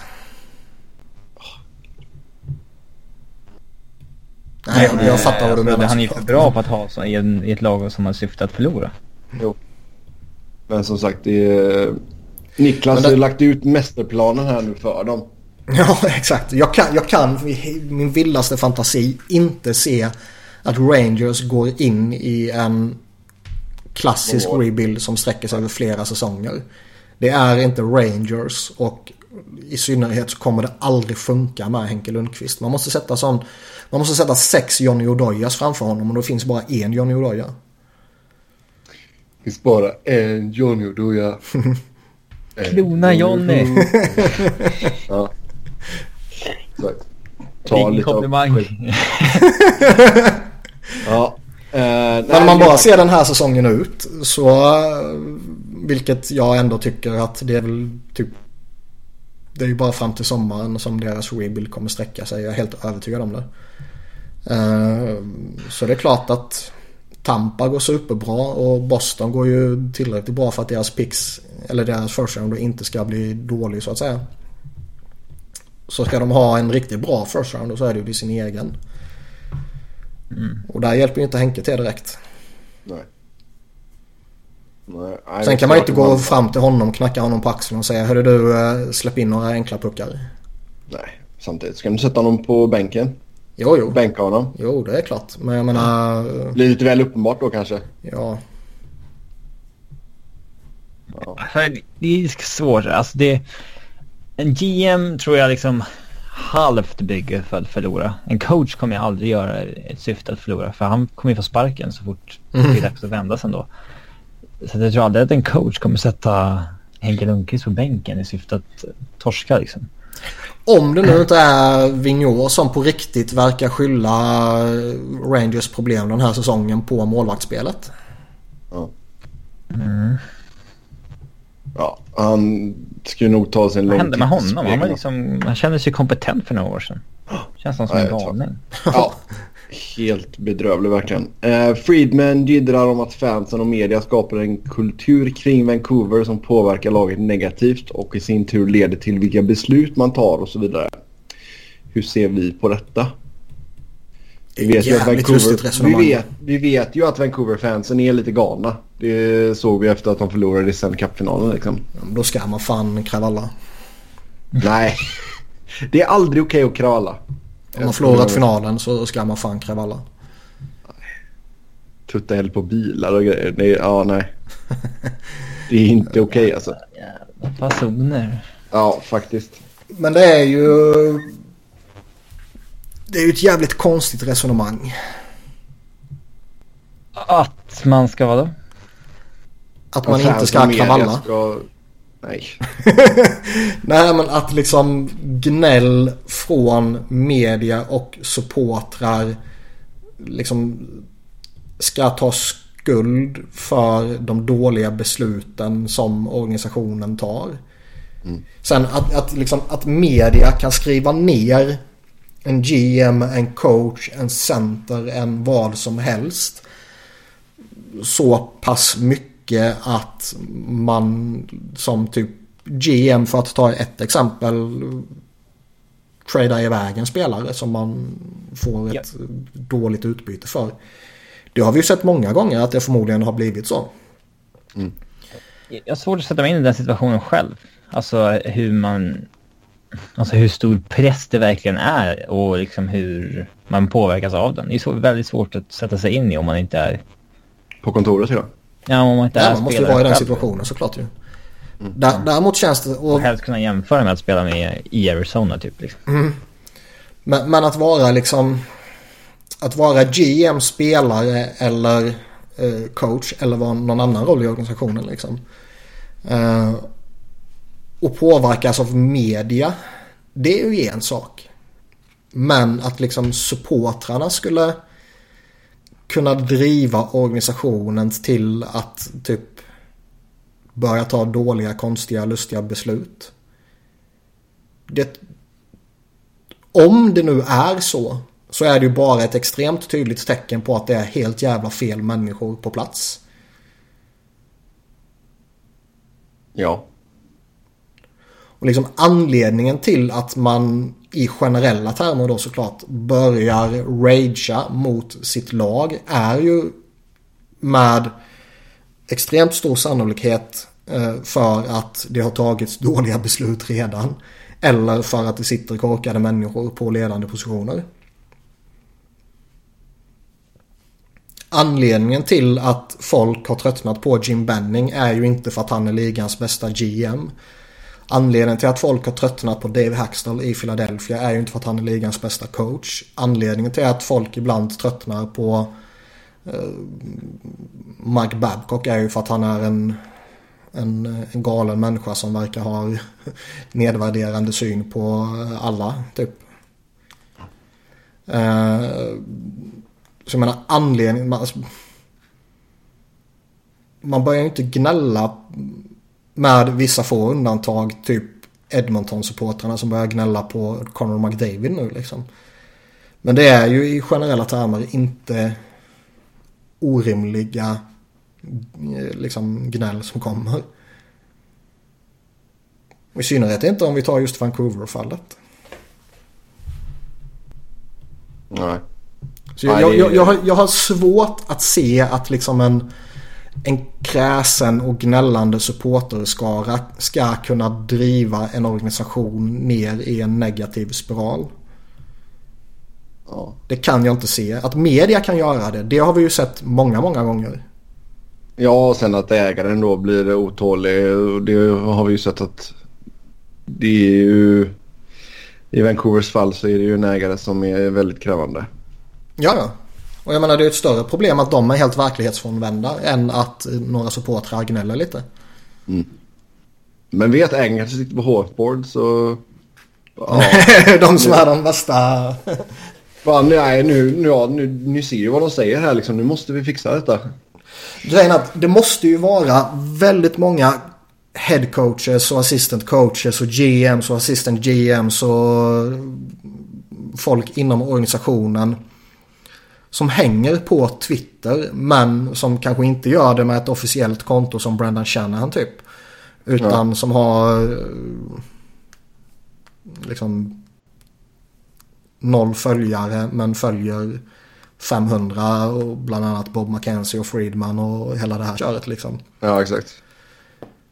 Ja, vi, vi minns ju Behind the Bees-dokumentären. Mest mm. känd för att det är där Jim Benning sitter och säger att uh, de borde skicka Sagan och så vidare. Mm. Ja. Uh, men där sitter de och, och kollar på Twitter i deras warroom så att säga och så ringer de upp Nathan Hortons agent och säger jag vet inte vem som sprider det, det kanske är du men på Twitter så står det att Nathan Horton har beslutat sig att lämna Boston. Stämmer det? Mm. Så då säger han okej okay, och lägger på. Då säger Shirley done. He's done in Boston. och Jim Benning en stor facepalm bara nej. Så att det är jättenegativa nyheter. Jag måste fan titta om på den där serien. Ja, ja. bra, bra grejer, bra grejer. Okej, okay, eh, innan vi går in på lyssnarfrågorna så ska vi snacka om Seattle. Eh, det tog bara 12 minuter att sälja 10 000 säsongsbiljetter. Totalt så nådde man upp till 25 000 och allt tyder nu på att man går in i NHL 2020. Eh, expansionsdraften uppges gå till på samma sätt som för Vegas. Är det något annat som vi vill, alltså vill vi se något annorlunda? Eh, framförallt kan vi säga att det var starkt av dem och en så staden är ju verkligen sugna här alltså. 12 minuter för att sälja 10 000 sådana, ja vad man ska säga. Det är ju, det är ju inte att det är ju inte en done deal att här... Man köper ju inte säsongsbiljetterna men man typ binder upp sig på att köpa om det blir av. Mm. Exakt. Eh, så det är jävligt starkt ändå. Det är ju sjukt imponerande. Det måste man ju mm. säga. Seattle är i och för sig en bra sportstad alltså. Nu, MLS satte igång här i veckan. De hade 40 000 på premiärmatchen. Vad finns det mer i Seattle? Jag började googla nu men det kanske du kan i huvudet. De har ju sitt fotbollslag också. Amerikansk fotboll. De går också väldigt bra publikmässigt sett. Ja. Uh... Sen har de, fan har de ett baseballlag också? kanske de har. Ja, det har de. Seattle Mariners. Mariners, just det. Just Mariners. Mm. Seattle Seahawks i fotboll. Seattle Sounders i soccer. Seattle Mariners i baseball. Seattle Storm i Women's NBA. Och Seattle Rain i uh, National Women's Soccer League. Ja. Så det finns ju rätt mycket ändå ju. Ja. Uh, ska vi ta och kolla här. Vad de har... Eh... Men vad var det? Vi pratade ju om dem när det blev eh, aktuellt att det var de som var liksom slutfavoriterna för nästa lag. Det, det var, det, det, är väl en sån här jättestor marknad. Ja, alltså, och, eh, lite snabbt här bara då. Seahawks snittade 69 000 pers.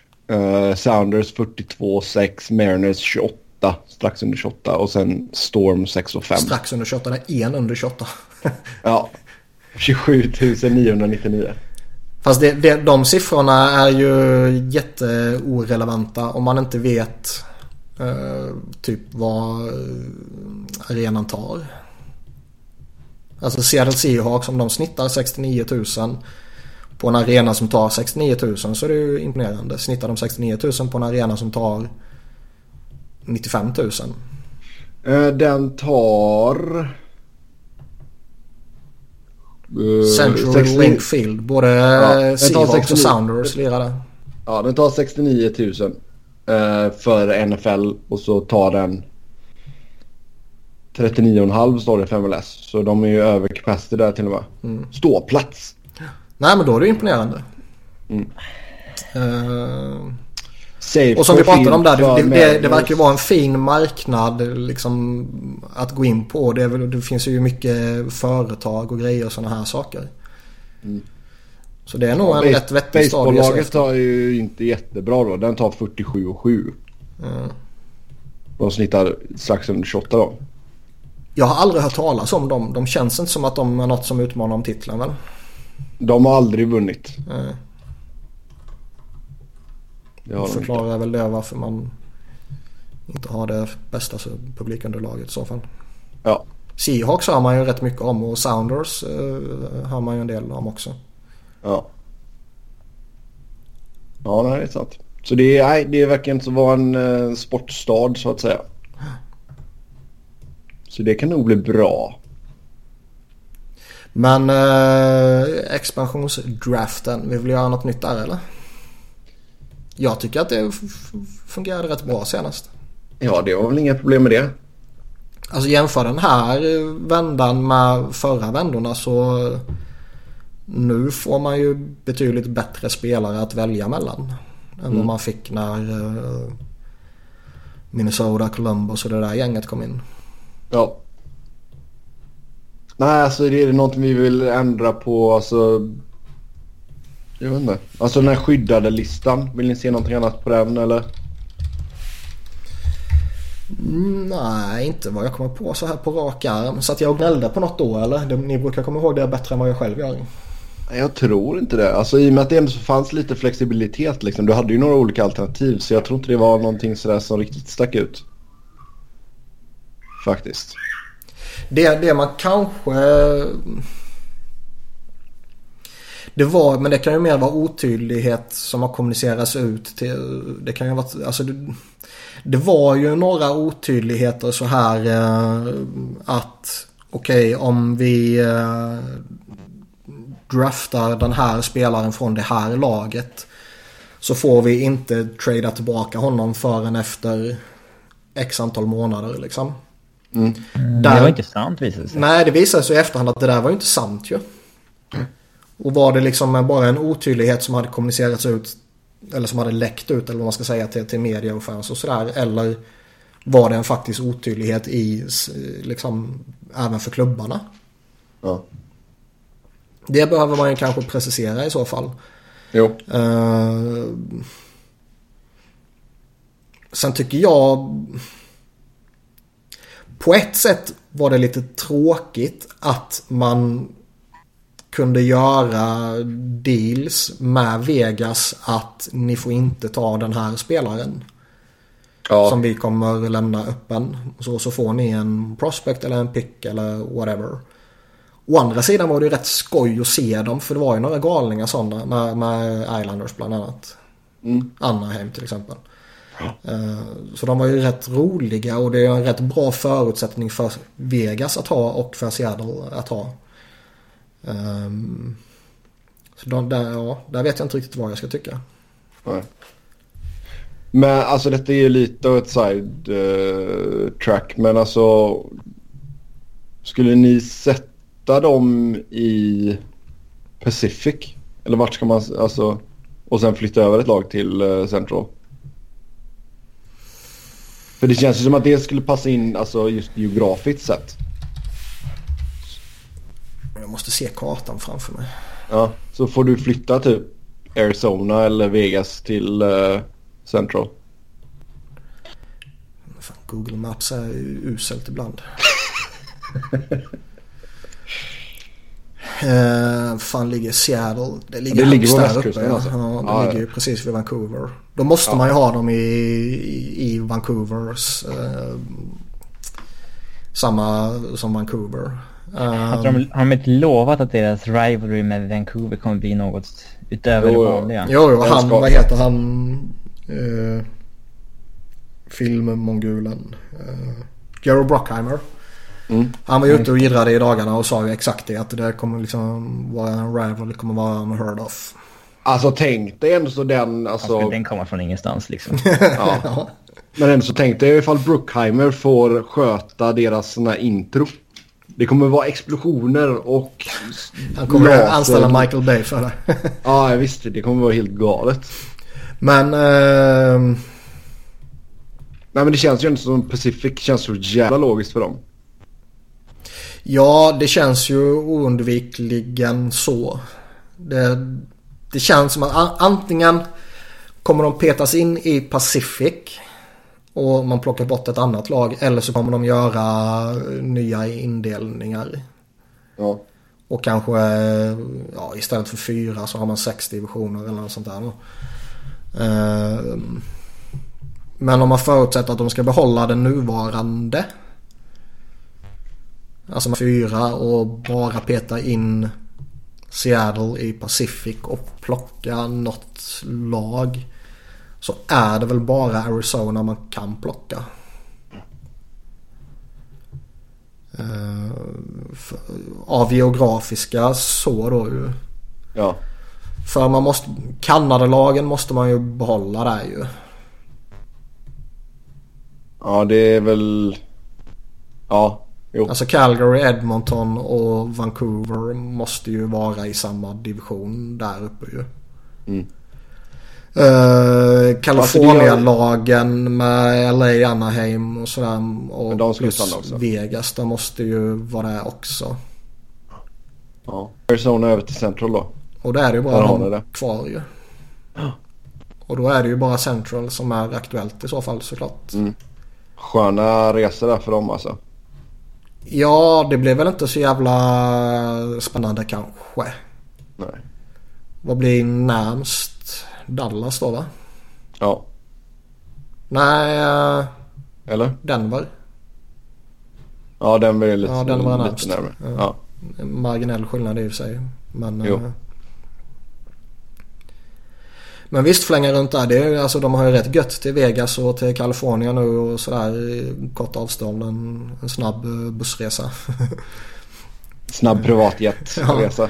Ja. Eh, Så det är, visst det är lite skillnad att flänga upp till Winnipeg och till eh, Chicago och Minnesota och allt vad fan det kan vara som är lite längre bort. Ja, Framförallt så är det väl en tuffare division. I alla fall Ja. idag. Nu kanske det inte är det Absolut. 2020 och 2022 och allt sånt där. Men eh, idag är ju Central halvjobbig. Ja, då tar vi och glider in på lyssnarfrågorna som vanligt. Stort tack till er som har skrivit in. Eh, först ut här. Robin borde lista det galnaste som sagts i podden någon gång. Han kommer ihåg allt. Han är som en elefant. Så... Eh, Det bevisar Robin- på något sätt att elefanter har bra minne. Ingen aning. Känns Ingen, som- ingen aning. Känns som det här som att guldfiskar skulle ha 10 sekunder. Det är en. Ja. är det myt? Eh, Ja, det är det. Eh, Alltså de har ju inte människominne, men det är ju inte så här 10 sekunder. Eh, nej, men jag, jag vet inte vad det skulle kunna vara på rak arm. Nej, du får klura lite på den. Så får du eh, säga till när du känner Vi är dig ju redo. sällan fel ute. Någon gång jag kommer ihåg att vi varit fel ute är väl att vi liksom har uh, trodde att Anders Lindberg skulle ändå kunna komma in som första målvakt i Tampa. Sådär. När han hade gjort en bra backup-säsong i Nashville. Ja. Det är ju så här, det är förlåtligt att ha fel om det. Jo. Eh, Steve Eisenman är fel så kan man ju själv ha fel. Liksom. Det är, så, så där får vi ge oss lite slack. Det är absolut. Nej då, du får klura på den så tar vi det i något kommande program. Eh, sen här, vilka lag tror ni var och en går till slutspel och vilka möts i finalen? Alltså detta är vad vi tror just nu då. Sen kommer vi självklart göra om detta när vi kommer in i slutspelet. Mm. Om vi börjar i Eastern Mm, kan vi göra. så tror jag att det enda laget som möjligtvis eh, tar sig in är ju Florida. Ja.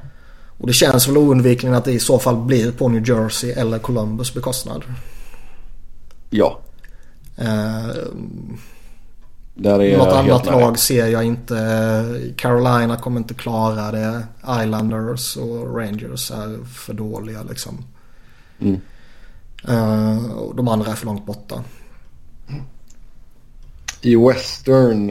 I Western känns det ju fortfarande som att uh, Colorado Blues och Calgary alla mycket väl skulle kunna gå till slutspel.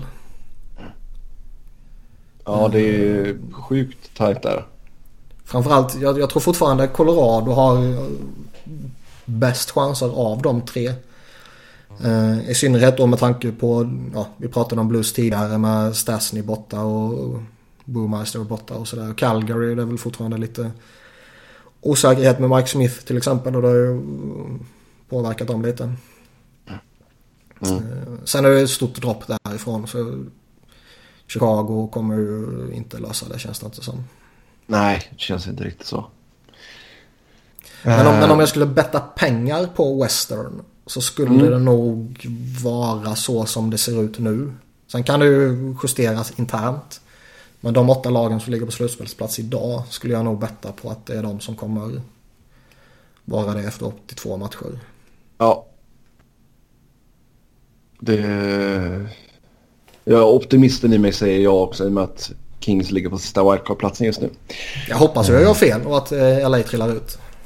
Nej då. Sen är de bara två poäng bakom uh, Sharks som ligger tre i Pacific. Så oh, det hade varit gött att behöva slippa Nashville i första rundan i alla fall. Ja, då räcker man ju. McKinnon kommer bära Avs till, till slutspelet. ja. Men uh, Dmitri Filipovic twittrade ut en lista på primary points delat i, i team goals så att säga. Hur mm. många procent av offensiven spelarna stod för i sina lag. McDavid är ju etta. Han står ju för 31 procent av uh, Herrejävlar. Ja. Eh, Edmontons offensiv. McKinnon tvåa på 30 procent. Eh, och det är ju de två spelarna vi har nämnt som är liksom störst del av sina lag. Mm. Så störst en bra, del av sina lag liksom. En bra knä, knätackling på McKinnon och så är det, så är det över sen då. Nej. Couturier, Voracek och Euro är med på 25 procent plus. Behövs lite depth scoring där kanske. Fast vi har fått det sista mm, två månaderna här typ nu när Patrick Nej. har uh, tagit ett kliv. Åh. Ja, vilka ja. lag möts i finalen vi ska säga just nu då? Just nu kan man väl egentligen inte säga något annat än Tampa, Nashville. Nej. Mm, typ. Uh, sen är det klart att uh, menar, Pittsburgh har väl lika stor chans egentligen. Men... Eh, ja. Tampa Nashville, ja. Jag kan inte säga något annat i dagsläget i alla fall. Nej. Nej, det är ju två jävligt sevärda lag så det hade nog varit bra, bra tv där också kan man ju lugnt säga. Även fast det kanske inte är de här traditionella hockeymarknaderna. Um, men det är alltid kul. Men sen samtidigt så jag menar det, det, är så pass tight så jag skulle egentligen inte bli förvånad om något av Tampa och Nashville eller båda två för den delen ryker i första rundan typ. Mm. Alltså som du sa Nashville eller i, i första rundan. Jag menar du, det är klart att Nashville vore favoriter men man skulle inte trilla av stolen om LA gick vinnande ur en sån matchserie. Nej. Ligan är så jämn idag. Ja, det är sant. Mm. Nästa fråga här då. Kan ni hitta på en quick fix som skulle göra bottenlagen eh, slash de som är borta från slutspel till slutspelslag? Ja. Alla lag eller vadå? Alltså vi kan ju ta de som är helt körda liksom. Vi kan börja... Du menar slutspelslag kommande år eller? Alltså vad hade gjort dem till ett slutspelslag i år? Kan vi... Så uppfattar jag väl det. Typ kedja. Eller menar vi till, nästa, till nästa säsong? Vad fan vet jag? Nej, jag vet inte. Quick fix. Vi säger, ja, vi säger till nästa säsong då. Ja. Uh, Arizona börjar vi med. Uh, Arizona. Conor McDavid. Ja. Men alltså de... Hjälper inte ens det. att Arizona är väl fortfarande egentligen bara wait and, wait and see mode typ. Ja exakt. deras quick fix är väl att inte göra något dumt liksom. Eh, ja. Ha lite tålamod även fast man har ett rundgård liksom. Som Avs i fjol. Att man behöver liksom inte skeppa. Nu skeppade de i och för sig Duchene men alltså det var ju på eget... Men det var ju han som var problemet. Ja. Ja, ja sure. men det var han som ville liksom. Det var han som sänkte laget helt enkelt. Men det, det man ska göra det är väl som Robin säger. Se till att man inte gör korkade saker. Se till att man inte äh, säljer Max Domi superbilligt liksom. Bara för mm. att man tröttnat på honom. Om det nu är så. Ja. Uh, man kanske ska försöka ha lite bättre spelare i laget än Zach Ronaldo liksom. Ja, exakt. Eh, Vancouver? Ja, quick fix är väl att sparka sin GM men eh, jag tror ju att problemet i Vancouver sträcker sig längre än bara till hans kontor. Mm. Lite högre upp i hierarkin. Så det finns ingen quick fix för Vancouver? Mm, nej, alltså de är väl fortfarande... Vi har ju pratat om det lite tidigare men de är ju fortfarande i ett läge där de typ måste bestämma sig för att antingen ska vi försöka hanka oss kvar och hanka oss vidare och försöka i bästa fall vara ett bubble team. Uh, eller så ska vi rasera skiten och bygga nytt. Mm. Sen har jag ju sagt tidigare att jag, jag, tror det är svårt för dem att börja rasera skiten så länge sedinarna är kvar. Dels tror jag att de själva kanske känner att ja, men så länge vi har dem kvar och de är bra så ska vi försöka hålla oss själva competitive. Vilket man typ ser då när de signade Louis Eriksson och när de plockade in Sam Gagné och uh, Michael Del Soto och sådana där spelare som ändå är liksom spelare som man plockar in Varnek till exempel för att man ska göra någonting idag. Mm. Uh, när de två försvinner, om det sen är till sommaren eller om ett år eller två år eller fem år, vem fan vet. Så uh, då ska det bli intressant att se vad de gör. Ja. Men med tanke på att de fortfarande har ägarna kvar som verkar ha krav på att ni ska vara slutspelslag så... Jag vet fan vad Vancouver kan göra för quick fix för att kunna bli det. De har inte kvar så många dåliga kontrakt. De... Ja, det är ju liksom... ja, de signade ju ett nyss nu med Gerd Branson, men... Äh, att ha Edler på två, alltså ett år till på fem är problemet. De har kanske inte fem miljoners back längre. Mm. Det är mm. väl liksom bara Brandon Sutter på 4,3 som är ett jobbigt. De nämner, alltså Louis Eriksson är inte värd 6 millar fem år till men samtidigt de måste ändå nå lönegolvet. De tappar ju 14 miljoner nästa år när Sedinens kontrakt går ut. Så. Sen har ni, jag menar de har ju ändå en framtid som är, eh, alltså Brock Boser, vi såg vad han kom in och gjorde här. De har Bo Horvath som är eh, Uh, vad heter det? Jätteduktig, jättespännande. De har liksom Olle Julevi som är på gång. De har Elias Pettersson. De har Dahlén och de liksom... Ja, bra. De har ju folk på gång. Så det handlar ju egentligen om att ge dem bra förutsättningar och bra omgivning. Mm. Yes, Edmonton. Ja, sparka hela jävla ledningen. Ja. Ja, det skulle nog ge, ge mycket. Tragiskt är väl att de förmodligen... Eh, alltså, de kanske inte behöver göra någonting. Alltså Connor kanske löser det där själv. Eh, det är ju lite intressant för nu börjar det börjar ju tuggas lite nu om, jag läste något om det i natt, jag tror det var Friedman som hade varit ute och, och snackat i tv eller skrivit någonting eller pratat i radio eller någonting.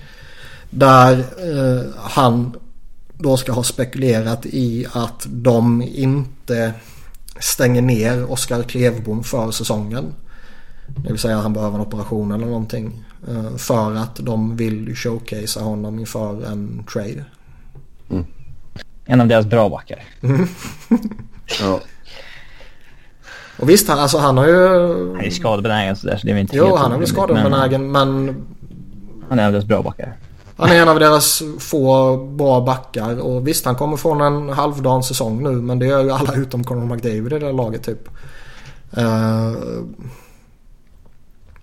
och att sälja honom, det känns ju som att de, de kommer offra Klevbom nu i en ny liksom eh, Ebele mot Strome trade. Där de skickar iväg eh, en spelare som är bra mot en spelare som är mindre bra. Och tycker att det funkar bra för oss för nu eh, ser vi till ett av våra behov. Precis som de har resonerat kring alla andra. Att så länge vi bara behöver någonting så är det skitsamma vad vi ger upp. Även om vi gör en tok historiskt usel, korkad eh, Larsson Hall-trade. Mm. Eh, Chicago. Sista laget i West. Quick fix. De ska väl egentligen försöka göra sig av med Seabrook. Mm. Samtidigt de... inte... Det är ju ändå i stort sett samma lag som har tagit sig till slutspel. Sjukt många år. Jag, jag tycker äh... i, i grunden tror jag väl egentligen att det är men alltså lite Boston som... missade ju också några år sedan studsade tillbaka liksom. Det... Men det, jag, jag, tror det är lite här som, som eh, vilka var det vi sa om? Arizona. Att inte göra något dumt. Och i det så inkluderar jag väl att sparka Joel Quenwell. Mm. För visst, man kan ju alltid komma till ett läge så här där det är liksom uppenbart att nej men coachen har gjort sitt i det här laget. Han kan, han kan inte mer. Han har tagit det till vägs ände liksom. Uh, och vissa lag har ju en, en, eller förlåt, vissa coacher har ju en livslängd på några säsonger kanske. Mm. Innan man tröttnar på den jävlen. Ja. Uh, I synnerhet om man inte vinner. Alltså, vi har ju pratat om det tidigare men problemet inom situationstecken som Chicago hade när det har ryktats hela tiden att de ville göra sig av med Quenneville. Det var ju att de vann kuppen hela jävla tiden så då kan man ju inte göra det. Ja, exakt. Uh, men det känns ju också som att gör man sig av med honom så kommer man ju oundvikligen försämra sig själva. Japp. För det är som vi pratade om Max Pacioretty-trade att ja, du kommer ge upp den bästa spelaren i en sån trade. På samma sätt så du kommer inte ersätta coach Q med en bättre coach. För de coacherna är så pass få och de är redan upptagna någon annanstans. Yes. Ja, över till Eastern då. Buffalo. Ja.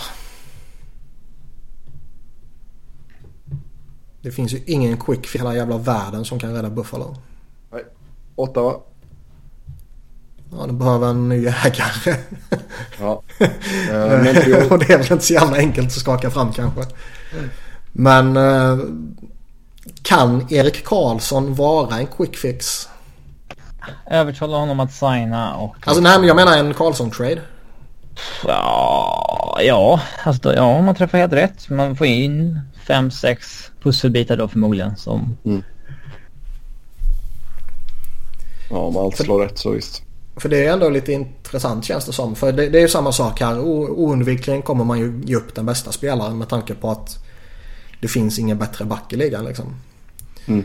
Um, å andra sidan så man kan få helvetes utbyte. Jo. Men uh, om man bara snackar quick fix så är det väl det viktigaste för dem att förlänga med honom. Mm. Eh, Montreal.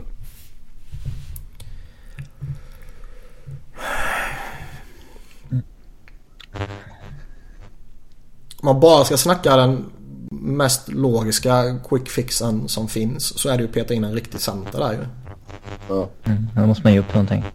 Då måste man ge upp någonting eller så måste man lyckas uh, pricka in en John Tavares på Free Agency. Mm.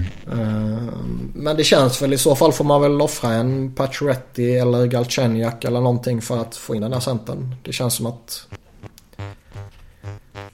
de måste ha in den där centern tror jag. Mm. Och sen Detroit. Ja, låta en annan GM ta hand om deras rebuild. Mm. Sen, sen, ska det sig sägas att Holland... Quick finns inte här. Vad sa du? Det finns ju ingen quick fix. Nej, nej, det, nej, nej, det är tokkört. Där ska det väl sägas dock att Holland har gjort det bra på att samla på sig lite picks nu till draften. De har två val i första, andra, tredje och fjärde rundan. Och de har ytterligare lite nästa säsong också. Jo, men han är inte men, man för det jobbet längre. Nej, nej det är han inte. Men det handlar ju inte bara om att samla på sig picks. Man ska göra något bra av dem också. Ja. Och där kan man ju inte riktigt heller lita på Holland längre. Nej. Och eh, New York har vi snackat om tillräckligt här i den här podden, Rangers. Så vi går vidare. Vem blir näste Arvidsson? Det vill säga en bra talang som är direkt underskattad och borde kunna ta sig in i NHL. Ja, väldigt svårt att... Alltså det, det, jag tolkar ju den som en fråga vinklad mot SHL. Ja. Eller hur? Uh, vad fan skulle det kunna vara? Joel Lundqvist. kan Per Lindholm vara en sån spelare? Han är ju kanske lite för gammal för att vara alltså, talangen om man säger så. Ja. Men det är ändå en, eh, en väldigt duktig SHL-spelare som inte är överdrivet gammal. Mm. Um, vad har vi mer för någonting? Det känns som att rätt många hypade unga spelare här ändå som borde kunna utan problem ta sig in. Ja. Ja just det. Och en annan sån där pytteliten jävel. Tim Söderlund. Ja, jag tycker han har sett jävligt fräsch ut under JVM i alla fall. Ja, kanske. Ja. Eh, när det gäller eh, Arvidsson så tyckte ändå jag länge att han borde gå. Han gick, han gick ju odraftad flera vänder. Mm. Eh, han var ju en sån här som fick spela åtta minuter per match i Skellefteå men hade sjukt högt points per 60 och shots per 60 hela tiden. Men han fick liksom aldrig mycket speltid från sista mm. året. Eh, när han redan var draftad. Mm. Daniel säger Victor Ejdsell i chatten här. Mm, krävs ju mer än att göra en bra säsong i SHL som 23-åring. Känns... Jag ska inte säga att Ejdsell kommer faila men det känns ju som den typen av spelare som sticker över en säsong som flyger tillbaka igen. Snarare. Mitt under säsongen ja. Mm. Simon ja. Hjalmarsson typ liksom. Mm. Ja. Yes. Sen kan Taylor Hall vara en kandidat för Hart Trophy. Gör överlägset mest poäng i Devils. Berätta gärna en gång till hur dålig Chiarelli är som GM. det är ju faktiskt lite intressant med Hart Trophy denna säsongen. För Hart Trophy har ju mer eller mindre blivit priset som går till ligans bästa spelare. Mm. Och inte mest värdefulla. För det är ju två helt olika saker egentligen. Ja. Men denna säsongen började ju faktiskt tuggas lite om det som det egentligen ska vara. Det vill säga MVP. Och man har ju läst på sina ställen på, liksom på hos um, uh, inte random idiot utan respekterade insiders och sådär här att typ de slänger upp Eric Stahl och Taylor Hall som två huvudfavoriter. Ja. Uh, vilket kul. är skoj på ett sätt och som eh, liksom pekar mot att ja men det är faktiskt MVP vi pratar om. Men det är ju en direkt, eh, vad ska man säga? Eh, man, man, går ju väldigt tydligt bort ifrån vad det har varit på ett extremt tydligt sätt de senaste åren, rätt många år. Ja. Där det handlar om att det i princip är den spelaren som man bedömt har varit bäst. Och den här säsongen det kanske är så pass öppet däremellan. Att det är svårt att peka ut om det är Kutjerov, Malkin, McDavid, McKinnon, Stamkos, Giroux, eh, Kessel, Wheeler eller Hall som ligger där uppe i poängliga-toppen. Eh, det kanske är toköppet. Jag såg det var någon här som igår tror jag det var som gjorde ett case för att man glömmer bort Alexander Ovechkin och Claude Giroux i Hart Trophy-snacket. Um, jag tycker väl att nu eh, tycker jag att det, det känns jävligt mycket mer öppet än vad det gjort tidigare år. Ja. Där man nu så här med, ja men nu efter knappt 70 matcher så börjar man ändå inte kunna känna att nej men det är Nikita Kucherov som ska ha det utan tvekan. Utan det är som jag sa, det finns ju typ 10, 12, 15 namn som man alla kan slänga upp och ja. ingen är egentligen orimlig. Nej. Nej, men jag tycker Taylor Hall är jättebra val. Eric Ståhl också tycker jag är jätte, jättebra. Mm, Jag skulle väl slänga in McKinnon också då om jag skulle ta en tredje. Jo, men sen kommer man tillbaka till det som det alltid kommer då. Kan man vinna MVP utan att gå till slutspel? Och det kan ju tillämpas på alla de tre. Jo. McKinnon, Stahl och... Eller Wild kanske har skaffat sig lite... De, de, de borde kanske kunna hålla. Men... eh, Ja. Är också missat liksom. Mm. Ja. Så Nej, det blir inte- diskussionen varje år i samma, samma stund. Men Ta- Taylor Hall är ju oundvikligen en huvudkandidat tycker jag. Och hur dålig är då Chiarelli som GM? Vi har fått in en till uh, Vilka är det som på röstar honom. på Hart nu? Är det journalisterna? Eh, nu blir jag osäker. Mm, dubbelkolla det.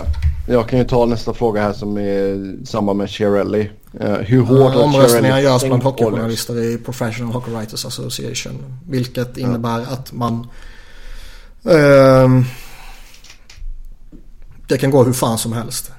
Ja. Det... Det är dock intressant nu för nu har de gjort en eh, intern eh, omröstning inom Professional Hockey Writers Association där de undersöker om deras eh, röster ska bli alltså, tvungna att vara offentliga.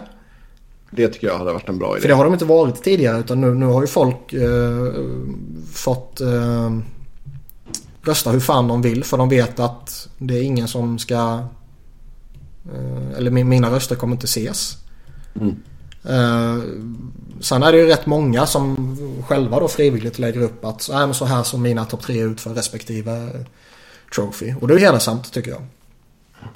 Men man ser, nästan varje år ser man ju någon superlustig eh, Ray Emery och Vesina liksom. Ja, vad var det? Tory Krug som fick Norris Trophy-röst eller vad fan det var. Eh, varje år ser man något sånt jättekonstigt och helt... Alltid någon konstig Selke också. Ja... eh, Och Jay McClement eller något sånt där. ja. Så göra dem offentliga tycker jag ju bara är positivt. Ja. Och på samma sätt liksom om, om du inte kan stå för vad du tycker som journalist. Då ska du fan inte ha någon rätt att rösta heller.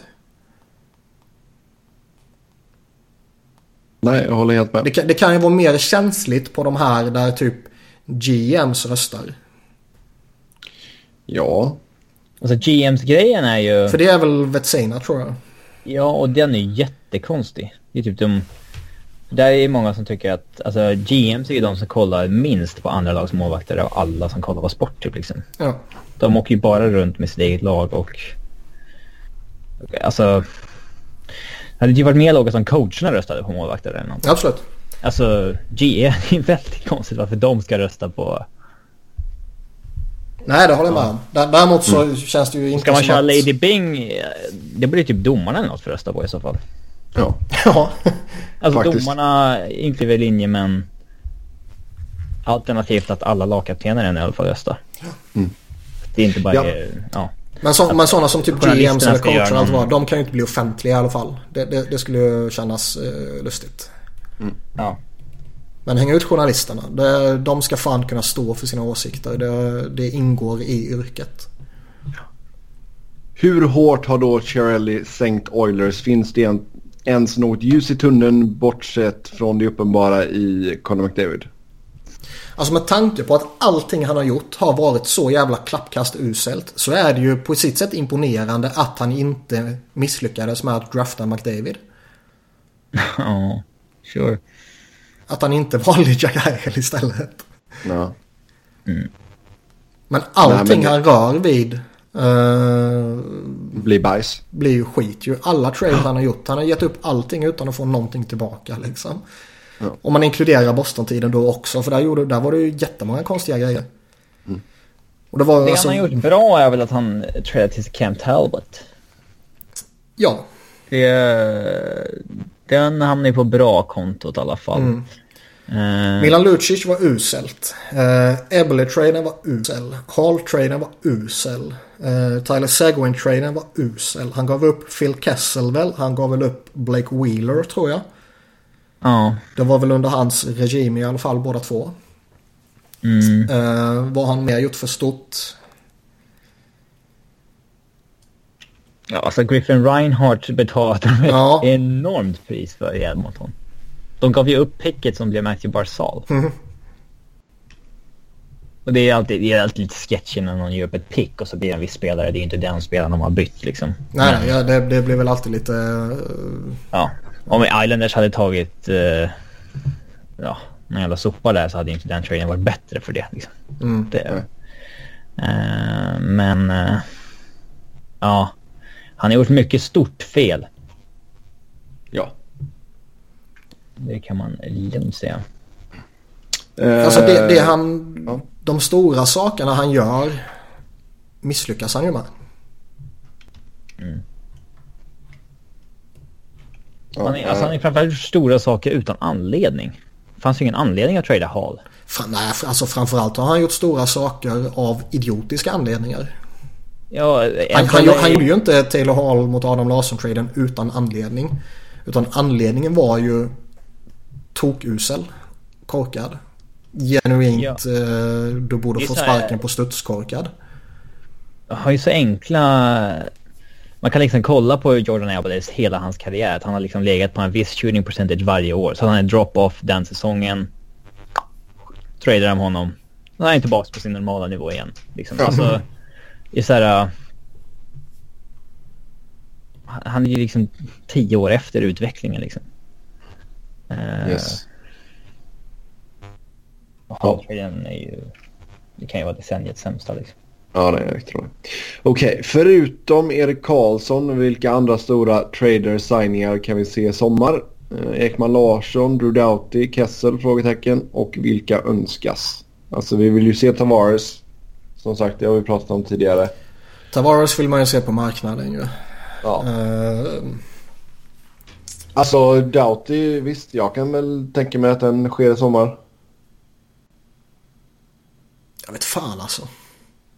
Nej, jag tror inte de trainar honom någonsin. Jag tror inte det. Kom igen Blake. Det, det, det, den enda... Jag, jag tror man kommer förlänga med honom. Men, men scenariot man eventuellt kan se det är väl om han tradas vid trade deadline. När LA är en bra bit ifrån slutspel. Om de nu är det så att säga. Ja. Det är väl ett sånt, annars känns det som att nej, men han kommer förlänga. Antingen förlänger han till sommaren eller så förlänger han uh, under säsongen. Med det sagt så säger jag vad jag alltid har sagt att går man in med, i säsongen med en sån stor spelare på ett utgående kontrakt. Det får man inte göra. Antingen förlänger man eller så tradar man. För de är ju inte, mm. de är ju verkligen inte i ett läge där de kan låta Dowdy lämna som free agent. Ja, nej, nej, herregud. Han är en för stor tillgång för det. Jo, jo. Jo, med tanke på alla. Alltså, jag tror nästan med tanke på alla snedsteg som Lombardi gjorde. Jag tror Blake... Eh, bra början på hans uh, tenure här som GM så... Ja, verkar vara väldigt vettig. Mm. Nej men så, så, alltså jag ser ju hellre att man gör... Jag ser ju hellre att du tradar honom i sommar än att du skriver det här 10 miljoner plus kontraktet. Det... Ja, det. men fan ja. 10 miljoner plus, jag vet fan. Det borde han inte kunna få. Han tror nog att han är värd det själv. Alltså det, ja, om man ja det håller med om. Sagt, liksom. Och det, alltså går han på marknaden så det skulle väl inte förvåna han får det heller. Men han borde inte få det. Mm. Men annars, alltså, det, det finns ju många rätt så intressanta penning UFAs också. I några sådana här gamla gubbar som uh, Joe Thornton och Sedina kommer väl inte lämna men det skulle kunna vara häftigt ändå. Uh, Chara, vad fan händer med honom liksom? Nu tror jag väl att han kommer stanna i Boston till han slutar. Men uh, ja. tänk om han hamnar på marknaden liksom. Vi har några lite yngre sådana här, Paul Stastny och Rick Nash och Michael Green som visserligen sägs kunna vilja stanna i Detroit. Men ändå. Evander Kane James Neal, kommer han hastigt och lustigt få för sig att det var ju rätt trevligt i Vegas, jag förlänger här. Mm. JVR, Tyler Bosak. Uh, John Carlson. Ja, Carlson är intressant. Men jag menar, du har ju så, alltså, blickar vi framåt just de här spelarna som kommer kliva in på sitt sista år. Då har du ju ändå Erik Karlsson, Doughty. Vad har du mer som är lite intressant? Logan Couture, Eberle, Panarin, Duchene. Alltså det är många vettiga namn här ändå. Sagan. Uh, Ekman Larsson som vi sa tidigare. Kucherov. Nej, det är klart. Det, alltså, det, det känns ju så att någon, någon, någon, av de här som du nämner som går in på sitt sista år. Burakovsky. uh, kommer ju förmodligen tradas. Jag vet inte varför, men jag har bara en känsla av att Jeff Skinner har gjort sitt i Carolina efter den här säsongen.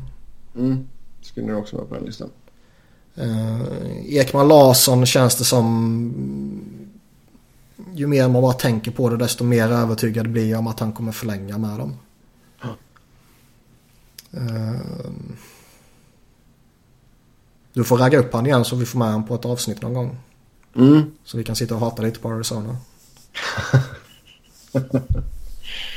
ja. Pressa honom lite. Ska du signa eller ska du signa?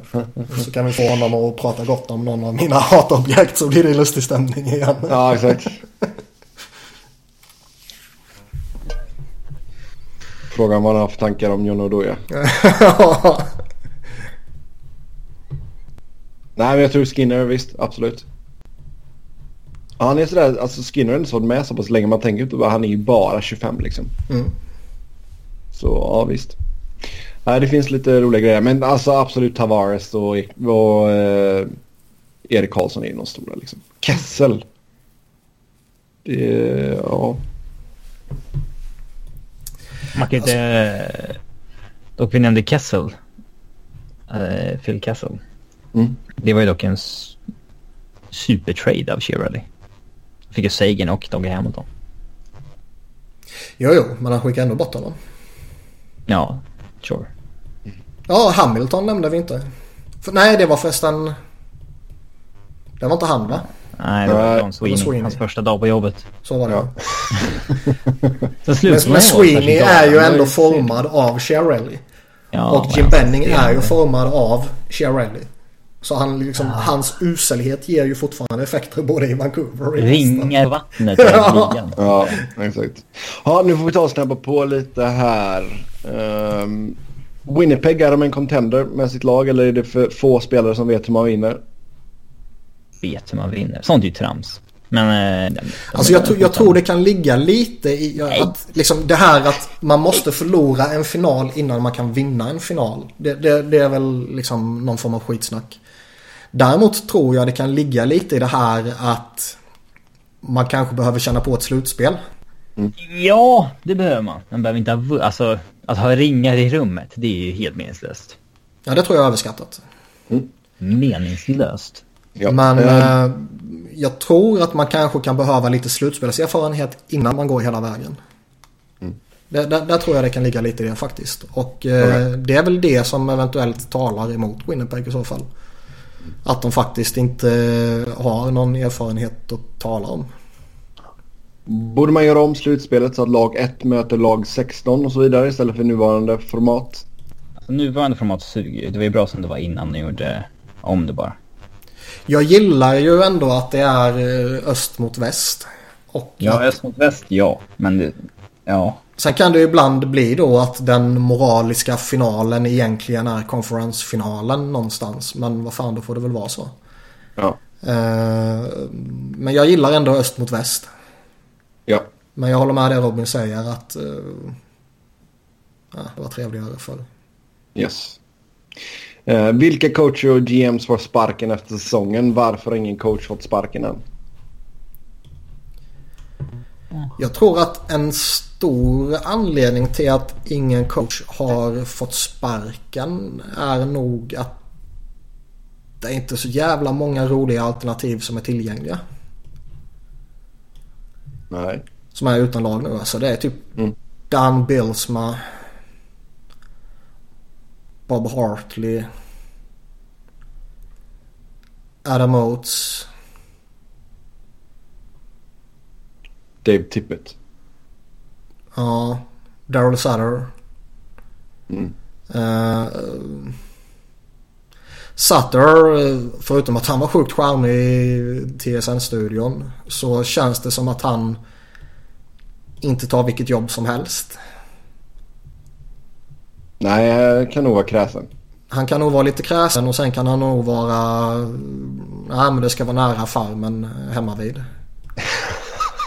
nej men nej, inte nedvärderande men det känns som nej, att Sutter-klanen resonerar på det sättet. Ja exakt.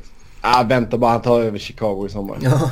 Uh, tippet. Uh, han kanske har ett lägre anseende än vad vi tror. Ja, kanske. Men han är, han är väl den liksom som är... Uh, han är väl den enda attraktiva känner jag. Mm. Uh, men, men liksom... Visst, nu när man kommer fram i det här skedet och man bara ska ta sig in i... Uh, ta sig förbi de här sista 15 matcherna liksom så... Då kan man ju sparka vem som helst och låta någon assisterande ta över säsongen ut typ bara. Uh, men om man skulle gjort det tidigare under säsongen så är det ju oftast för att man vill ha någon form av positiv förbättring. Boost. Ja, exakt. Jo, nu är det ju skitsamma. Uh, uh, men tror du att vi, vi får se lite action uh, i tränar och GM-karusellen under sommaren? Det blir det väl alltid. Ja. Vilka det skulle kunna vara. Uh... Men Vigneault måste ju ryka. Vigneault borde redan vara förlorad som det sker idag eller efter säsongen. Det är väl kanske skitsamma. Så länge han inte förstör någonting för någon ung spelare eller sånt där. Ja. Q hänger nog löst ifall uh, Chicago missar. Ja, det känns ju som att om Chicago missar, vilket de ju kommer göra, liksom, jag kan inte se något annat. Nej. Så känns det ju som att Chicago kommer vilja göra någonting. Mm. Alltså de går, de går mot sin sämsta säsong sedan uh, de här mörka åren uh, innan lönetagseran och sådär. Ja. Uh, och det enda de faktiskt kan göra är ju att sparka honom. Alltså tittar man på truppen de har. Jag, jag, skrev en text om det och hatade lite på Jonathan Toews också. Bara för att det måste man göra när man skriver om Chicago. Men eh, är det inte lustigt att när Chicago går bra så hyllas hans ledaregenskaper. Men när de går dåligt så ifrågasätts de inte. Ja, inte på det sättet som... Som de överhyllas så att säga. Inte på det sättet som andra ifrågasatts. Nej, det, Nej, det är sant. Nej. Nej, det är jäkligt sant. Det är ju så här, det är tvärtom med andra spelares fall. Det är ju bara, mm. det är ingen som hyllar Paciorettys ledarskap när det går bra för Montreal. Inte vad jag ser i alla fall. uh, Eller Ovechkin. nej. Nej. Ja, det är sant. Men, men i alla fall, alltså det, det enda, titta på truppen så vad kan de göra? Alltså den här Kane, Toews och Keith och Crawford och de där, de, kom, de sitter ju säkert vare sig man vill det eller ej liksom. Och eh, kvar står ju typ Brandon Saad, Anisimov, eh, Connor Murphy. Och liksom Saad känns det som att eh, om man precis har gett upp Panarin för att Kane och Toews ville ha tillbaka Saad. Då fejdar man ju inte honom nu direkt igen. Nej. Anisimov tycker jag är för duktig och för viktig för dem för att trada. Och Conor Murphy ger ingen effekt liksom.